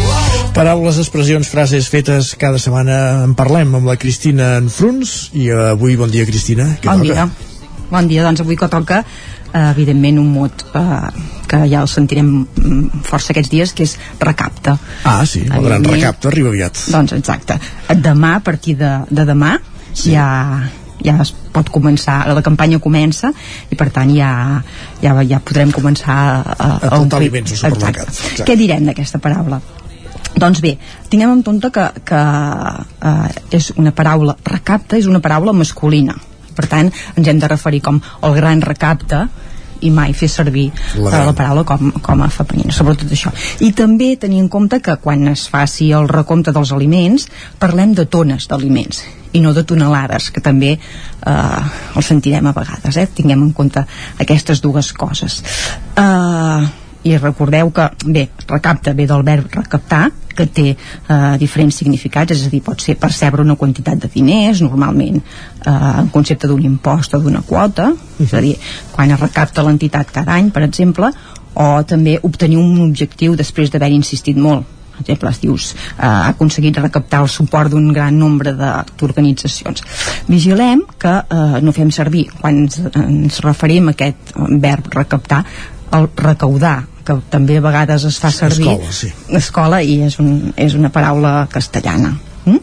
Molt bé Uh, i també relacionat així amb el recapte hi ha una paraula que també um, hi fa molta referència que és quan parlem de sang que parlem sí. dels acaptes de sang també vigilem perquè igualment és una paraula masculina eh? Mhm. i per tant és un, un acapte de sang que també en podem dir una o sigui, uh, acapte l'escriurem en B a final no? però també podem parlar d'una capta de sang llavors sí, que serà una paraula femenina eh? hem de tenir aquesta vigilar amb aquesta diferència És a dir, si comença amb A, acaba amb B i és masculina, si comença amb C i acaba amb A, és femenina. Doncs perfecte, eh? Podem parlar d'un una capta de sang, una capta de sang, una captació de sang, una col·lecta de sang, eh? però vigilem quan fem servir aquesta capta que sí que haurem de fer-ho servir en, en, en masculí. I quan ja se'n vol captar molta, diem una marató de sang, també. Exacte, una marató de sang, sí, sí. Uh, vigilem doncs amb això, eh? I bé, uh, ja que tenim aquesta paraula recapta, em feia gràcia portar, com sempre, alguna, algun refrany referent a Oh, això.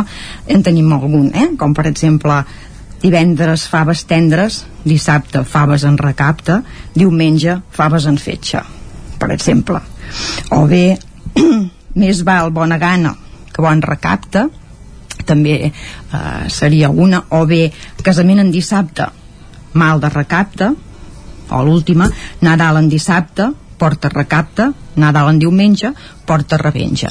Perquè suposo que ja eh, bé, més o menys s'entén la intenció. Sí. I, per últim, eh, segurament que mm, també relacionat amb això heu sentit moltes vegades aquella expressió en castellà que diu zapatero a tus zapatos sí. eh, que, que havia dit que Que preocupa't de l'últim. Exacte, que ningú ha d'intervenir allò no, no és cridar per dir d'alguna manera. Evidentment, això que deien de les frases fetes en castellà, a vegades no tenen cap... no ha de ser una traducció eh, al català, i per tant ja tenim expressions que, que tenen aquest significat, i una d'elles podria ser aquest dona recapte a casa teva, no? Com d'altres, eh? Qui és sabater que fa ses sabates, per exemple, però bé, que hi sortís aquesta paraula recapte, doncs també en tenim una que seria aquest zapatero a tus zapatos. Molt bé. I arribats a aquest punt, suposo que hem d'anar per la música. Doncs anem per la música.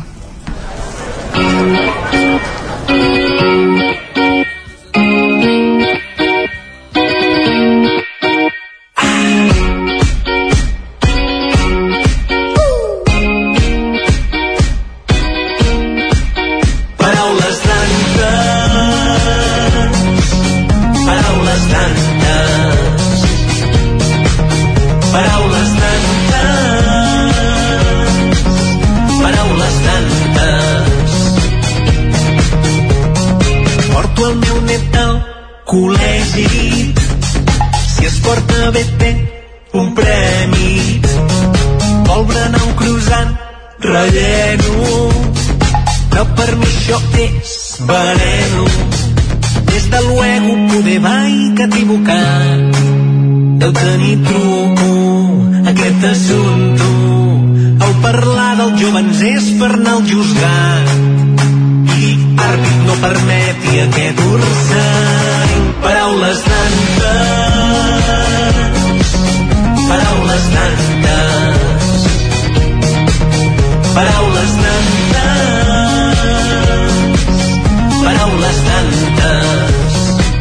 És l'èxit de la setmana, aquesta cançó, eh? El Doncs- Paraules d'Antes el, el posàvem dilluns, a la cançó del dia al matí, ens el portava en Jordi Sunyer, i déu nhi com ho està patant amb vocabulari d'avui, eh, aquesta cançó per tot arreu, eh? Doncs sí, a veure, no, no tenia cap més opció que portar-la, eh? Perquè, a veure, ja tenia altres coses preparades, però, evidentment, amb aquest boom que ha tingut, no, no tenia opció No de canviar, opció, eh? Correcte. Evidentment, no sé... Eh, eh, ja no hi ha paraules per dir tot això, eh? ja, evidentment ho fan expressament, però i, i sobta perquè uh, si t'hi fixes tu no ho sé però jo n'hi ha algunes que les dic Ah, sí, sí. Tu, i, de, i de, és la gràcia, de fet, no? Suposo, de, sí, de sí, la sí, sí, és, representa que és la paraula del, les, la, la, la, el vocabulari de les persones grans Exacte. però eh, sí, nosaltres també ens hi podem incloure eh, perquè Correcte. sí que moltes la, la, les fem És de l'època del Busson i la cera, aquestes cançons. Sí, aquell busson que costava tant, eh, de dir bústia, suposo, en, i en canvi ara nosaltres, quan les sentim, doncs... Ens esgarrifem. O la bessura, sí, sí. Doncs bé, eh, tot això són mots que els podem dividir en diferents apartats, eh? perquè, per exemple, per un cantó eh, trobem paraules mal pronunciades segurament per influència del castellà eh, franquisme, castellanismes com ara el juzgat, sí. el busson que deies tu, el puesto, el quartalillo, El relleno. les vacacions, eh? o sigui, són eh, aquesta influència, evidentment, del castellà. Però també hi ha altres coses que no és això, com per exemple quan hi afegim una que es diu una T epitètica. Per exemple, en casos com eh, aquest col·lègit, prèmit, no són influències del castellà, sinó que és això, eh, que hi afegim una, una T, eh, que es Correcte. diu la T epitètica. O, per exemple, aquest eh, bona nit, sí. eh, en lloc de bona nit, per què diem bona nit i en canvi no diem bona tarda, per exemple? Per Doncs, doncs per què? Perquè eh, és per no repetir aquest so de la N, eh, que a algú li pugui semblar cacofònic, és a dir, que es repeteix, eh, i en aquest cas, per tant, diem bona tarda, però en canvi diem bona nit. Igualment, com per exemple diem arcalde, que també surt a la cançó, Correcte. o juliol, Sí. o fandilla. És a dir, per fer aquesta distinció, doncs, fem aquest canvi de lletra. Mm? També hi ha expressions que surten aquí, com el, el ginoll, que això són dialectals. És a dir, es diu ginoll, pot ser genoll, ginoll, junoll, junoll, eh? això, això seria dialectal, o bé estiu, el llumillo, el deport, eh? són diferents eh, visions que hi ha que no són tot això, castellanismes, eh, sinó eh, altres fenòmens. Correcte. O, per exemple, eh, el, el iogurt, sí. eh, que hi ha el iogurt, que seria la- l'expressió castellana, sí. la castellana, per dir-ho d'alguna manera, i el llagurt, que seria aquesta de, la, de les persones grans. Eh? Exacte. Per tant, aquí mm, jo crec que ho han aglutinat tot eh? i, i Ja, bé, Dit aquest aigua barreig, eh? i està molt bé perquè bé, ha triomfat jo crec eh? Sí, aquesta setmana està triomfant a tot arreu, és aquest vocabulari que hem, fet, que hem sentit moltes vegades, Exacte. que alguns encara el mantenim, Exacte. i que ens fa gràcia, si més no, que quedi llegat en aquesta cançó dels Arribar i ploure, Sí, que és senyor. nou duet usonenc. Sí, senyor. Doncs això, per això m'ha, em, sem, em sembla, m'he vist amb l'obligada a, a, a treure aquesta cançó aquesta setmana. Molt aquesta oportuna. setmana. Doncs paraules d'antes d'Arribar i ploure, una de les cançons de la setmana i que ha estat analitzada i explicada per la Cristina Enfrons avui al Territori 17. Gràcies, Cristina, i parlem d'aquí dos dijous. Perfecte, vinga, adéu-siau. Si es porta bé té un premi vol berenar un croissant relleno però per mi això és Veneno, des de luego poder va equivocat. Deu tenir truco aquest assumpte. El parlar dels jovens és per anar al juzgat.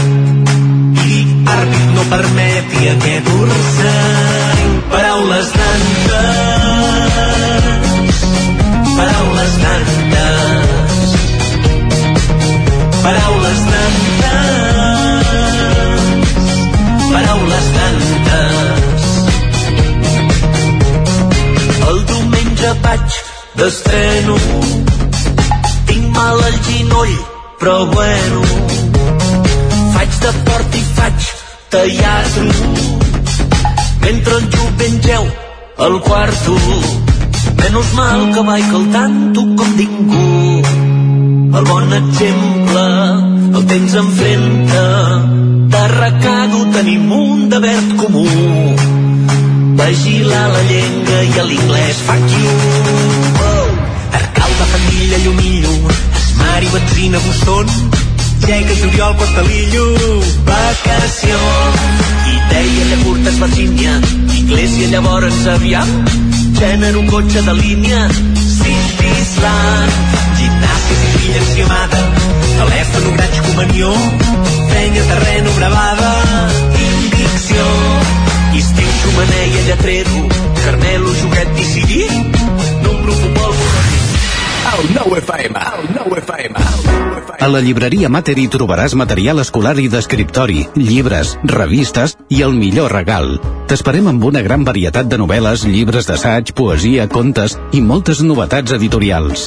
I per anar ben equipat a l'escola tenim motxilles, estoig, carpetes, llibretes, bolígrafs i molt més. Recorda que amb la targeta client tens descomptes. Mater, llibreters amb vocació des de 1957. Llibreria Mater. Ens trobaràs al carrer Pla de Balanyà número 23 de Vic i a mater.cat. Tenim quaderns de vacances i les novetats amb motxilles i estoigs de la marca Kipling. T'esperem. Saps què és el confort intel·ligent? És tenir un terra radiant Giacomini a casa. Benestar que no es veu, però es nota tot l'any. I que pots controlar a distància des del teu mòbil, estalviant energia i diners. Suma't al confort intel·ligent amb Giacomini. Informa't a giacomini.es o truca al 93 884 1001 i t'ajudarem a tenir un terra radiant a casa o a l'oficina.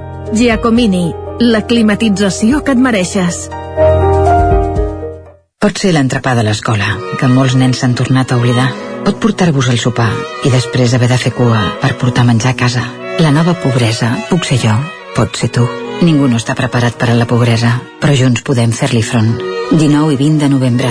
Necessitem voluntariat. Registra't a granrecapta.com. Gran recapta d'aliments. A Corretja tenim tot el que necessites per la teva llar. Tot tipus de paviments i revestiments, sistemes d'aïllament, cobertes, parquets, aixetes, ferreteria, pintures, fixació i cargoleria, vestuari i material de seguretat. Disposem de més de 3.500 metres quadrats d'exposició amb una nova zona exterior d'aïllaments. A Corretja som especialistes en cuines i banys. Us assessorem, dissenyem i realitzem el projecte des de l'inici fins a la fi del muntatge. 100% cuines, 100% banys. Al carrer Mas Vigues 8 de Vic, a corretja-sl.com o a Instagram. 100% materials per la construcció i la decoració. 100% corretja. El racó de León. Gaudeix de la nostra terrassa. Vine a tastar les xuletilles de lechal a la brasa amb una bona amanida o el xuletón de vedella gallega.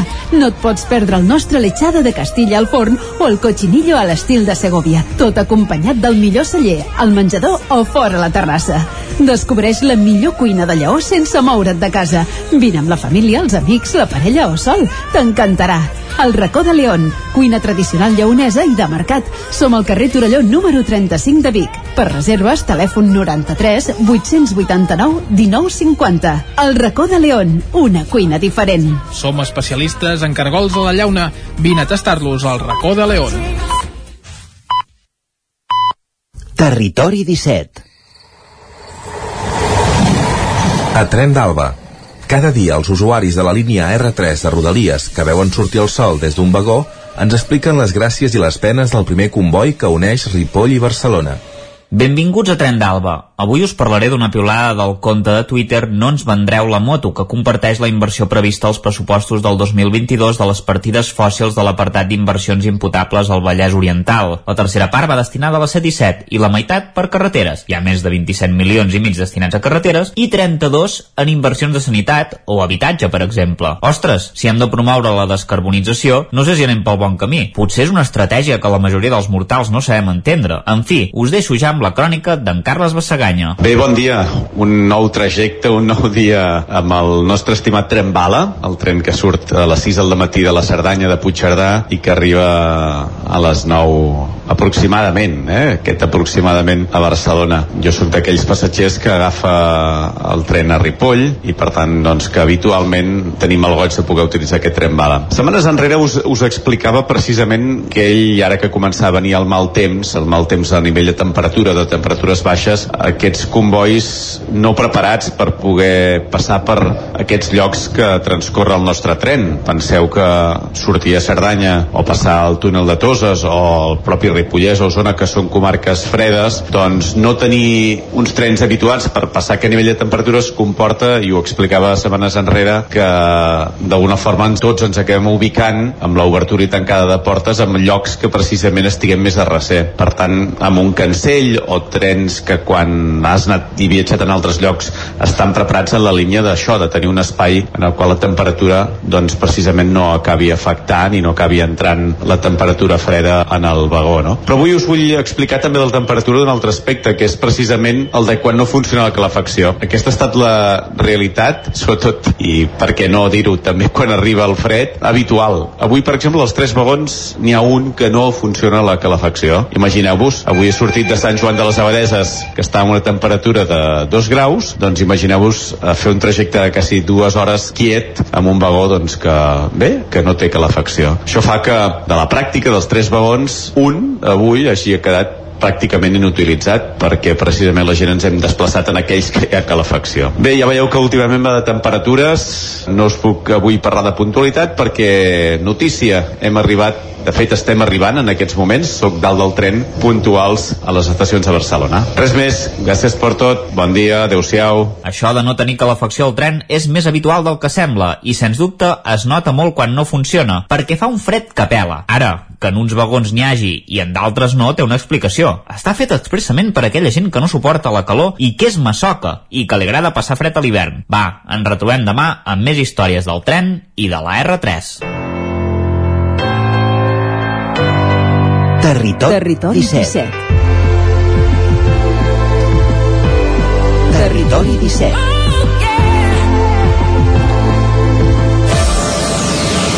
Continuem en directe al Territori 17 quan passen 3 minuts i mig de dos quarts de 12 i del tren, del viatge per l'R3 que avui hem fet en companyia d'en Carles Bassaganya, anem al cinema. Continuem a la veu de Sant Joan i ara en companyia d'en Joan Garcia i en Gerard Foses per conèixer la cartellera cinematogràfica pels propers dies, per aquest cap de setmana. Una setmana més, moment de donar la benvinguda al nostre col·laborador i crític cinematogràfic en Gerard Fosses. Hola Gerard. Hola, què tal? Bé, i tu? Molt bé, molt bé. Ja una mica recuperat del Festival de Molins de Rei, que, que va ser molt intens. Uh -huh. Ara sí que ja s'ha acabat, no?, la temporada de festivals de l'any, o no? S'ha acabat la temporada, sí, sí. Ja tornarem amb més força l'any que ve. I a més a més es va acabar amb, a l'engròs, perquè vam acabar amb la marató de, de 12 hores, o sigui que fantàstic. Mm. Abans per Nadal hi havia estrenes així potents eh, de, de, de blockbusters, de pel·lícules, recordo els últims anys, per exemple, les de, les de Star Wars. No sé si, si, si aquest any pinta així o no. Sí, de fet, eh, va, no recordo el calendari, però sí que han d'estrenar alguna, no sé si la Marvel, no sé, la, la de Spider-Man em sembla que ha de sortir, però com que van canviar calendaris ja, ja no em queda clar quan estrenen res. O sigui que ho anirem veient sobre la marxa. Molt bé. En tot cas, aquesta setmana sí que hi han estrenes i les repassarem. I si vols ja podem començar per la primera. Sí, perquè a més a més aquesta setmana tenim allò que es diu entrecots, que són aquelles pel·lícules que són potents, eh, que, que són um, grans, que que seran importants aquest any. I, I la primera és una pel·lícula que ja vam parlar um, així de passada perquè va estar al Festival de Sitges, va ser de, de les grans pel·lícules de, del festival, i arriba finalment a les nostres sales, a les nostres cartelleres.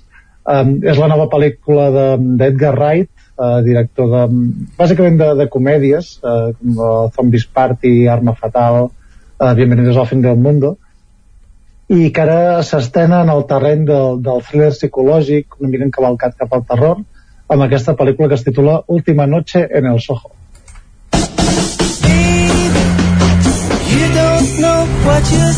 ¿Qué te trae por aquí? Vengo a estudiar en la escuela de moda. Es en el último piso. Es perfecto, me encanta.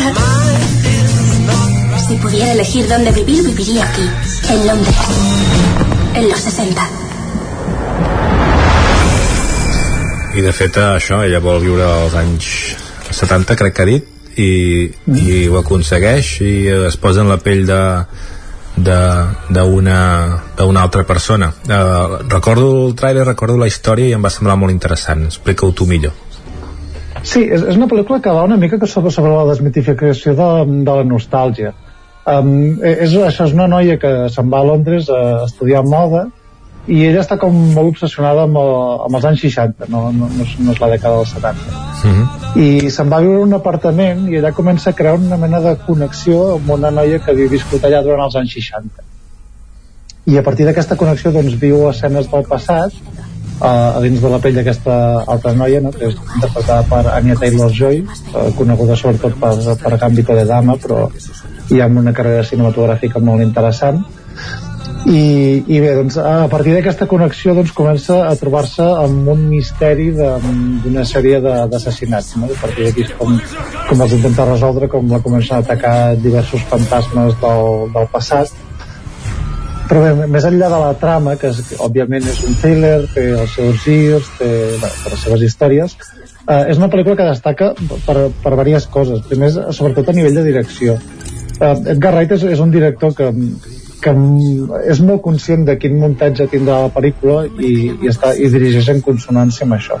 Això vol dir que, que la pel·lícula té un ritme endimoniat, és una cosa bestial, a més a més amb, amb un nivell de fluidesa que sembla que sigui gairebé tot el, el mateix pla, tot i que òbviament va, va canviant tota l'estona, um, amb molt ritme a través de la música, perquè també és un director molt obsessionat amb, amb la música i de fet la seva pel·lícula anterior que era Baby Driver era com una mena de, de musical d'acció podria qualificar així.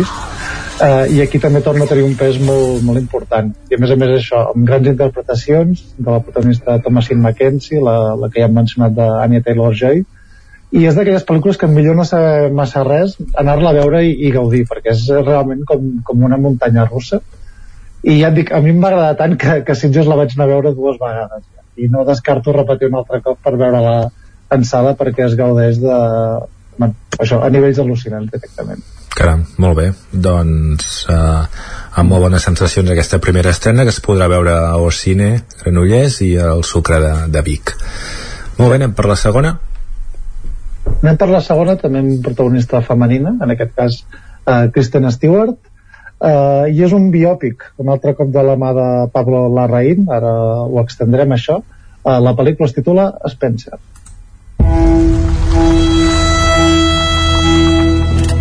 ¿Ya ha llegado? Aún no, señora. Pues llega tarde. Sí, ella llega tarde.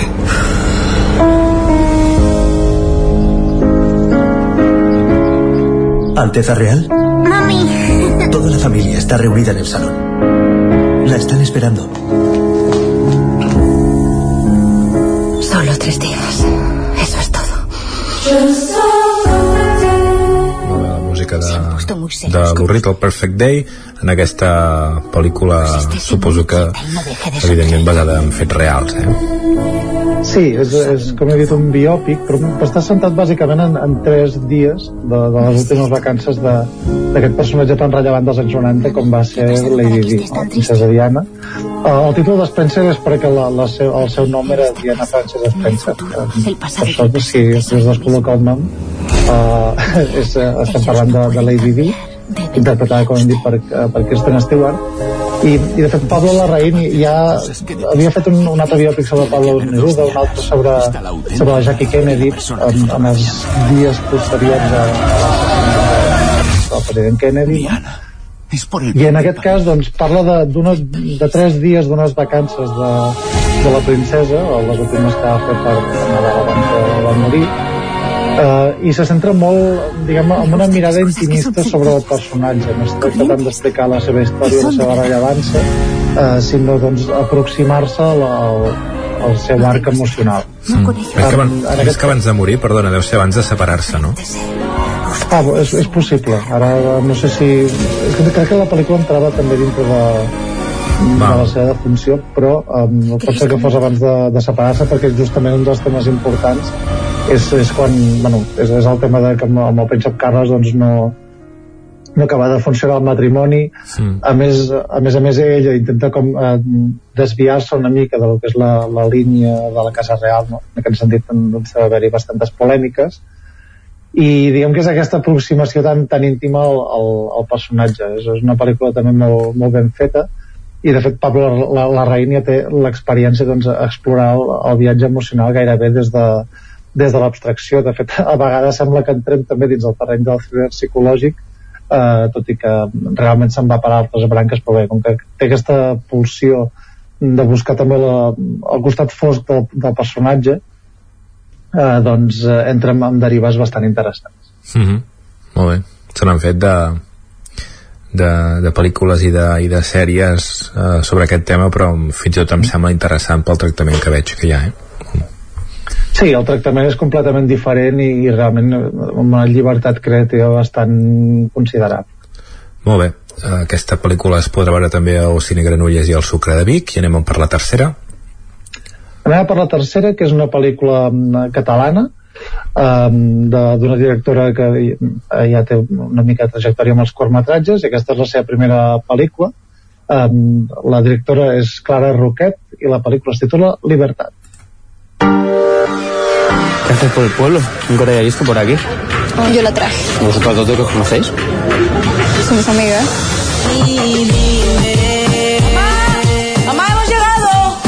tu amigas con libertad, ¿verdad? Es una chica que no la ha tenido nada fácil. ¿Por? Bueno, porque ha crecido sin su mami. Diez años sin ver a tu hija. Qué bueno que esto esté aquí porque me aburro si no estoy. Venga, baile conmigo.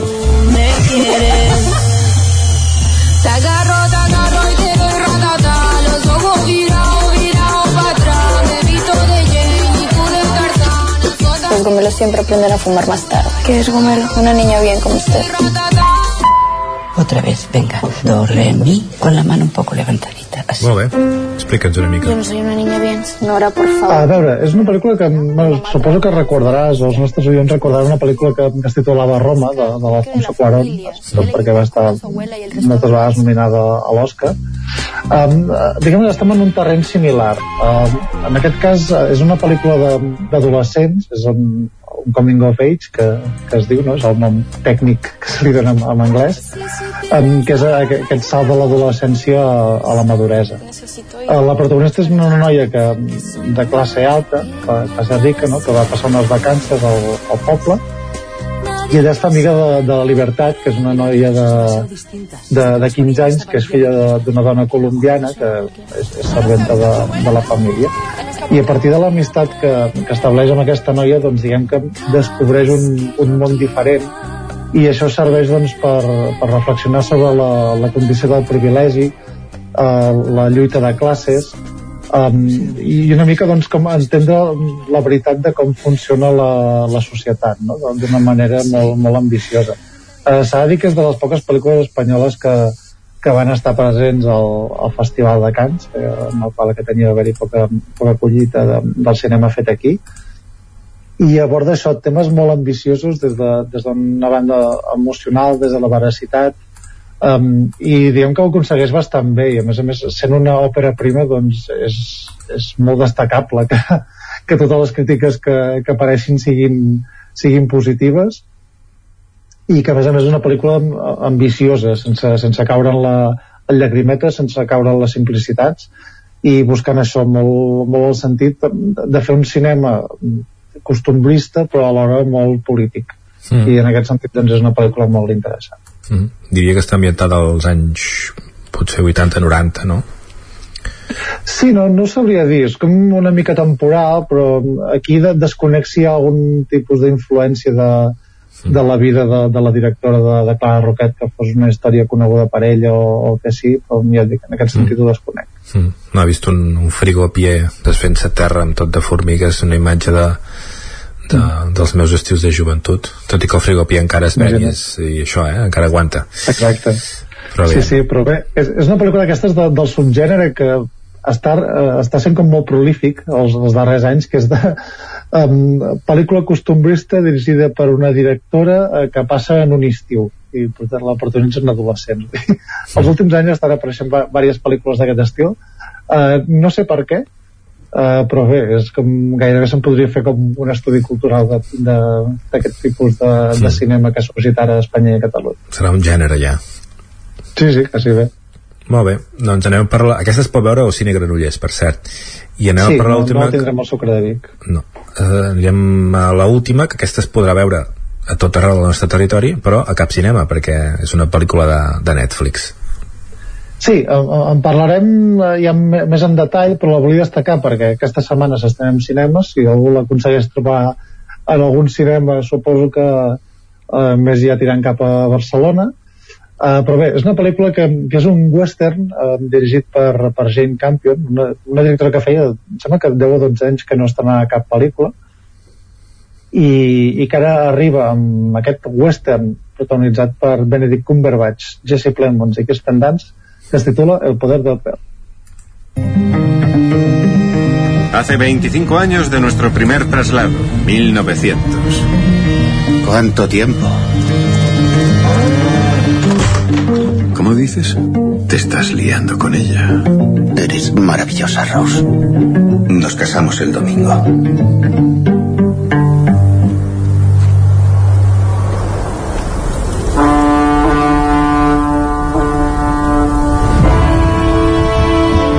¿Quién será la señorita que ha hecho esto? He sido yo, señor.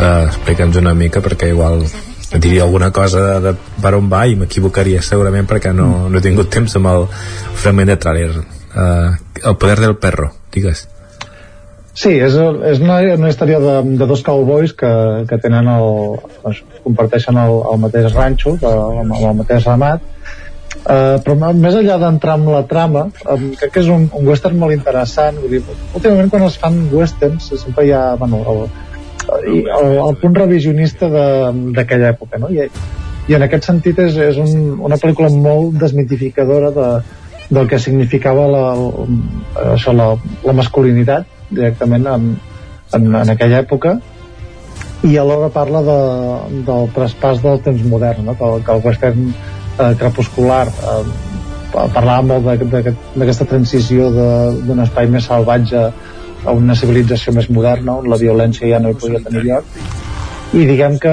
aquí se centra més en, en aquesta part de, de la masculinitat i el que representava l'home i la dona en aquella època um, i és això, una pel·lícula molt, molt ben interpretada i sobretot molt ben dirigida per, per Shane Campion, repeteixo que va guanyar el lleu de plata a la millor direcció a Venècia i que ara finalment arriba a les nostres sales. És a dir que s'haurà d'escarbar una mica i si no, si ens esperem dues setmanetes ja, ja la tindrem a Netflix. Però com sempre és, sempre és, és millor trobar-se en una sala de cine i poder-la viure allà amb tota la seva esplendor. Molt bé doncs ara si et sembla fer un repàs ja als cinemes del nostre territori començant per Ripoll que aquest divendres amb motiu del Dia Mundial de la Prevenció de l'Abús Infantil conjuntament amb l'associació Rich el Cineclub Peric que ens porta Gràcies a Dios. Sí, gràcies a Dios és una pel·lícula de, de fa un parell d'anys de, de François Ozon que justament parla d'aquest tema de, dels abusos sexuals a infants dintre de, de l'Església. És, és, és interessant perquè el François Ozon que de fet la seva filmografia um, destaca molt per, diguem, pel seu component sexual eròtic um, que s'endinsin en, en, amb, aquesta, diguem, amb aquesta motxilla que porta uh, amb, amb un tema tan delicat com és els abusos sexuals doncs, doncs és realment atrevit. Eh, òbviament no, no està en una pel·lícula eròtica, però sí que és una pel·lícula molt, molt punyent, d'aquestes que, que et remou l'estómac, a més a més molt combativa i molt radical amb els missatges que transmet, eh, i no és una crítica pamfletària a l'Església, eh, però sí que parla molt de, de les repercussions de, de certes accions no? I, i com, com s'embolcallen en aquest marc doncs, que és eh, l'Església Catòlica. Eh, pel·lícula molt recomanable que, que si la gent la la pot anar a veure aquest divendres a Ripoll doncs eh, que hi vagin perquè es trobarà una pel·lícula molt, molt potent. Uh -huh. També l'último duelo, ja en vam parlar, no? Aquesta ambientada Sí, en un... eh, última pel·lícula de, de Ridley Scott que també parla de- d'un duel a època de l'edat mitjana a França. Mm, i els Olchis pel·lícula d'animació que em sembla que porta uns, unes quantes setmanes també projectant, projectant-se uh, Sí, és una, pel·lícula, una pel·lícula que ve de- d'Alemanya una, basada en una novel·la de Erhard Dietel um, que bé, la pel·lícula de- direm que no està molt ben aconseguida però bé, l'entreteniment no el tenim assegurat uh -huh. i després aquesta del cinema Catalunya de Ribes donde caben dos Sí, és una pel·lícula que he vist que anirà passant per diversos cines del, del nostre territori, però pròximament. Um, és una pel·lícula, una, una comèdia coral uh, espanyola, um, que és de, potser de, de les poques que realment funciona bastant bé. Té una mica aquests ecos de, de Resacones Las Vegas, no? doncs per, per com de, de disparatada que, que és la història, uh, perquè té diversos protagonistes i és això, diversa, diverses gent que es troba que està en bon estat diguem de la vida sentimental diferent no? cadascú té les seves pinzellades eh, molt, molt a base de clitxers i a partir d'aquí doncs es troben una, amb una festa i diverses coses que passen no? sense desvetllar massa perquè també té els seus gis però eh, bé, és una, una comèdia bastant divertida i a més a més amb, amb aquest punt amb, diguem més encès que és de, de la temàtica sexual que sempre està a fons i que sempre funciona bastant uh -huh. el Esbarjo de Cardedeu una canció irlandesa Sí, un, un musical fallit, era un, una obra bastant popular, que era un, un musical irlandès eh, titulada Wild Mountain Time, que era com una mena de Romeu i Julieta, però en un ambient granger a, a Irlanda. A nivell cinematogràfic no, no ha funcionat bé, eh, però bueno, és, eh, jo, jo aniria a un altre cinema, quasi bé, ja recomanaria i em sap greu eh, dir-ho així, però bueno. a l'alter de, de Torelló continua el BBVA Torelló Mountain Film Festival fins al 21 de novembre, per tant que últims dies Uh -huh, sí, efectivament. Uh, bueno, si, si voleu anar a festivals, jo dic que s'ha acabat el cicle, però aquí veiem que encara segueix el, el de Torelló. Vull dir, mm. és un festival proper que també val la pena anar. uh -huh. i el casal Camprodoní eh, No odiaràs Sí, aquesta és una pel·lícula italiana que parla molt sobre, sobre la culpa. Eh, és d'aquelles que posa en una situació moral, um, diguem, com ho diria, molt, molt al límit, no? que és uh, un, un cirurgià um, que és, és fill d'un jueu que havia estat als camps de concentració i un dia um, hi ha com un accident durant un, una competició de rem i, i va auxiliar a una persona eh, que, que és nazi. Veu que té un tatuatge nazi allà i això i decideix no auxiliar-lo i per culpa d'això doncs aquesta persona mor i a partir d'aquí és com um, aquest personatge del cirurgià doncs com intenta gestionar això l'odi, la culpa um, a pensar de si havia d'haver fet uh, alguna cosa més o no. Uh, és una pel·lícula que, que porta per terrenys uh, bastant interessants. Pel meu gust un, un massa moralista uh, que has pogut portar un, un terreny més, més tortuós. Uh, però bé, tot i així una, una bona pel·lícula. A més a més òpera prima d'un director que es diu Mauro Macchi molt bé, doncs fet el repàs acabada la secció Gerard, moltíssimes gràcies i, i ens tornem a escoltar la setmana vinent. Molt bé, moltes gràcies a vosaltres. Fins la setmana que ve. Adeu-siau moltes gràcies també doncs. Moltes gràcies també doncs en Joan Garcia i Gerard Foses que ens han portat aquesta secció dedicada al cinema una setmana més aquí al Territori 17 i entrem a la recta final. Avui acabarem el programa amb música.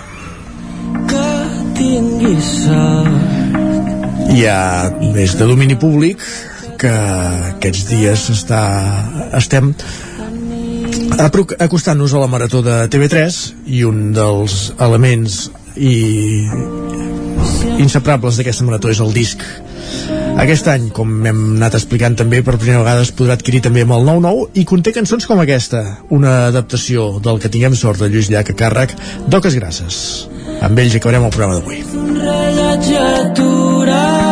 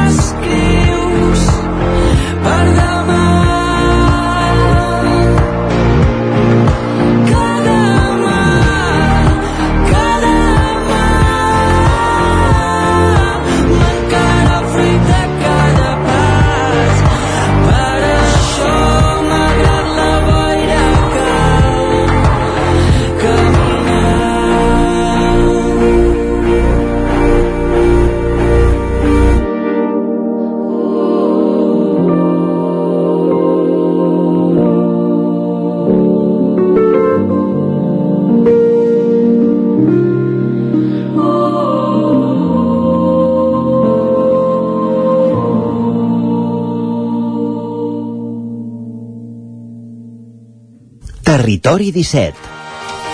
Preciós aquesta versió del que tinguem sort de Lluís Llach a càrrec d'Oques Grasses. La trobareu al disc de la Marató d'aquest any.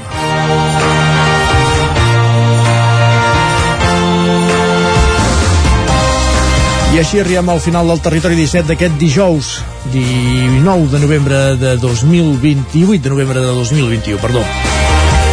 Us hem fet companyia des de les 9 del matí. Pepa Costa, Caral Campàs, Òscar Muñoz, Natàlia Peix, Jordi Vilarrodà, Isaac Muntades, Maria López, Núria Lázaro, Cristina Enfruns, Joan Garcia, Gerard Fosses, Jordi Sunyer i Isaac Moreno.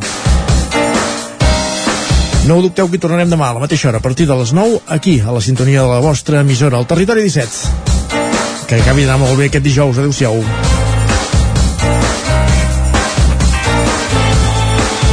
Territori 17, un magazín del nou FM. La veu de Sant Joan, Ona Codinenca i Ràdio Cardedeu amb el suport de la xarxa.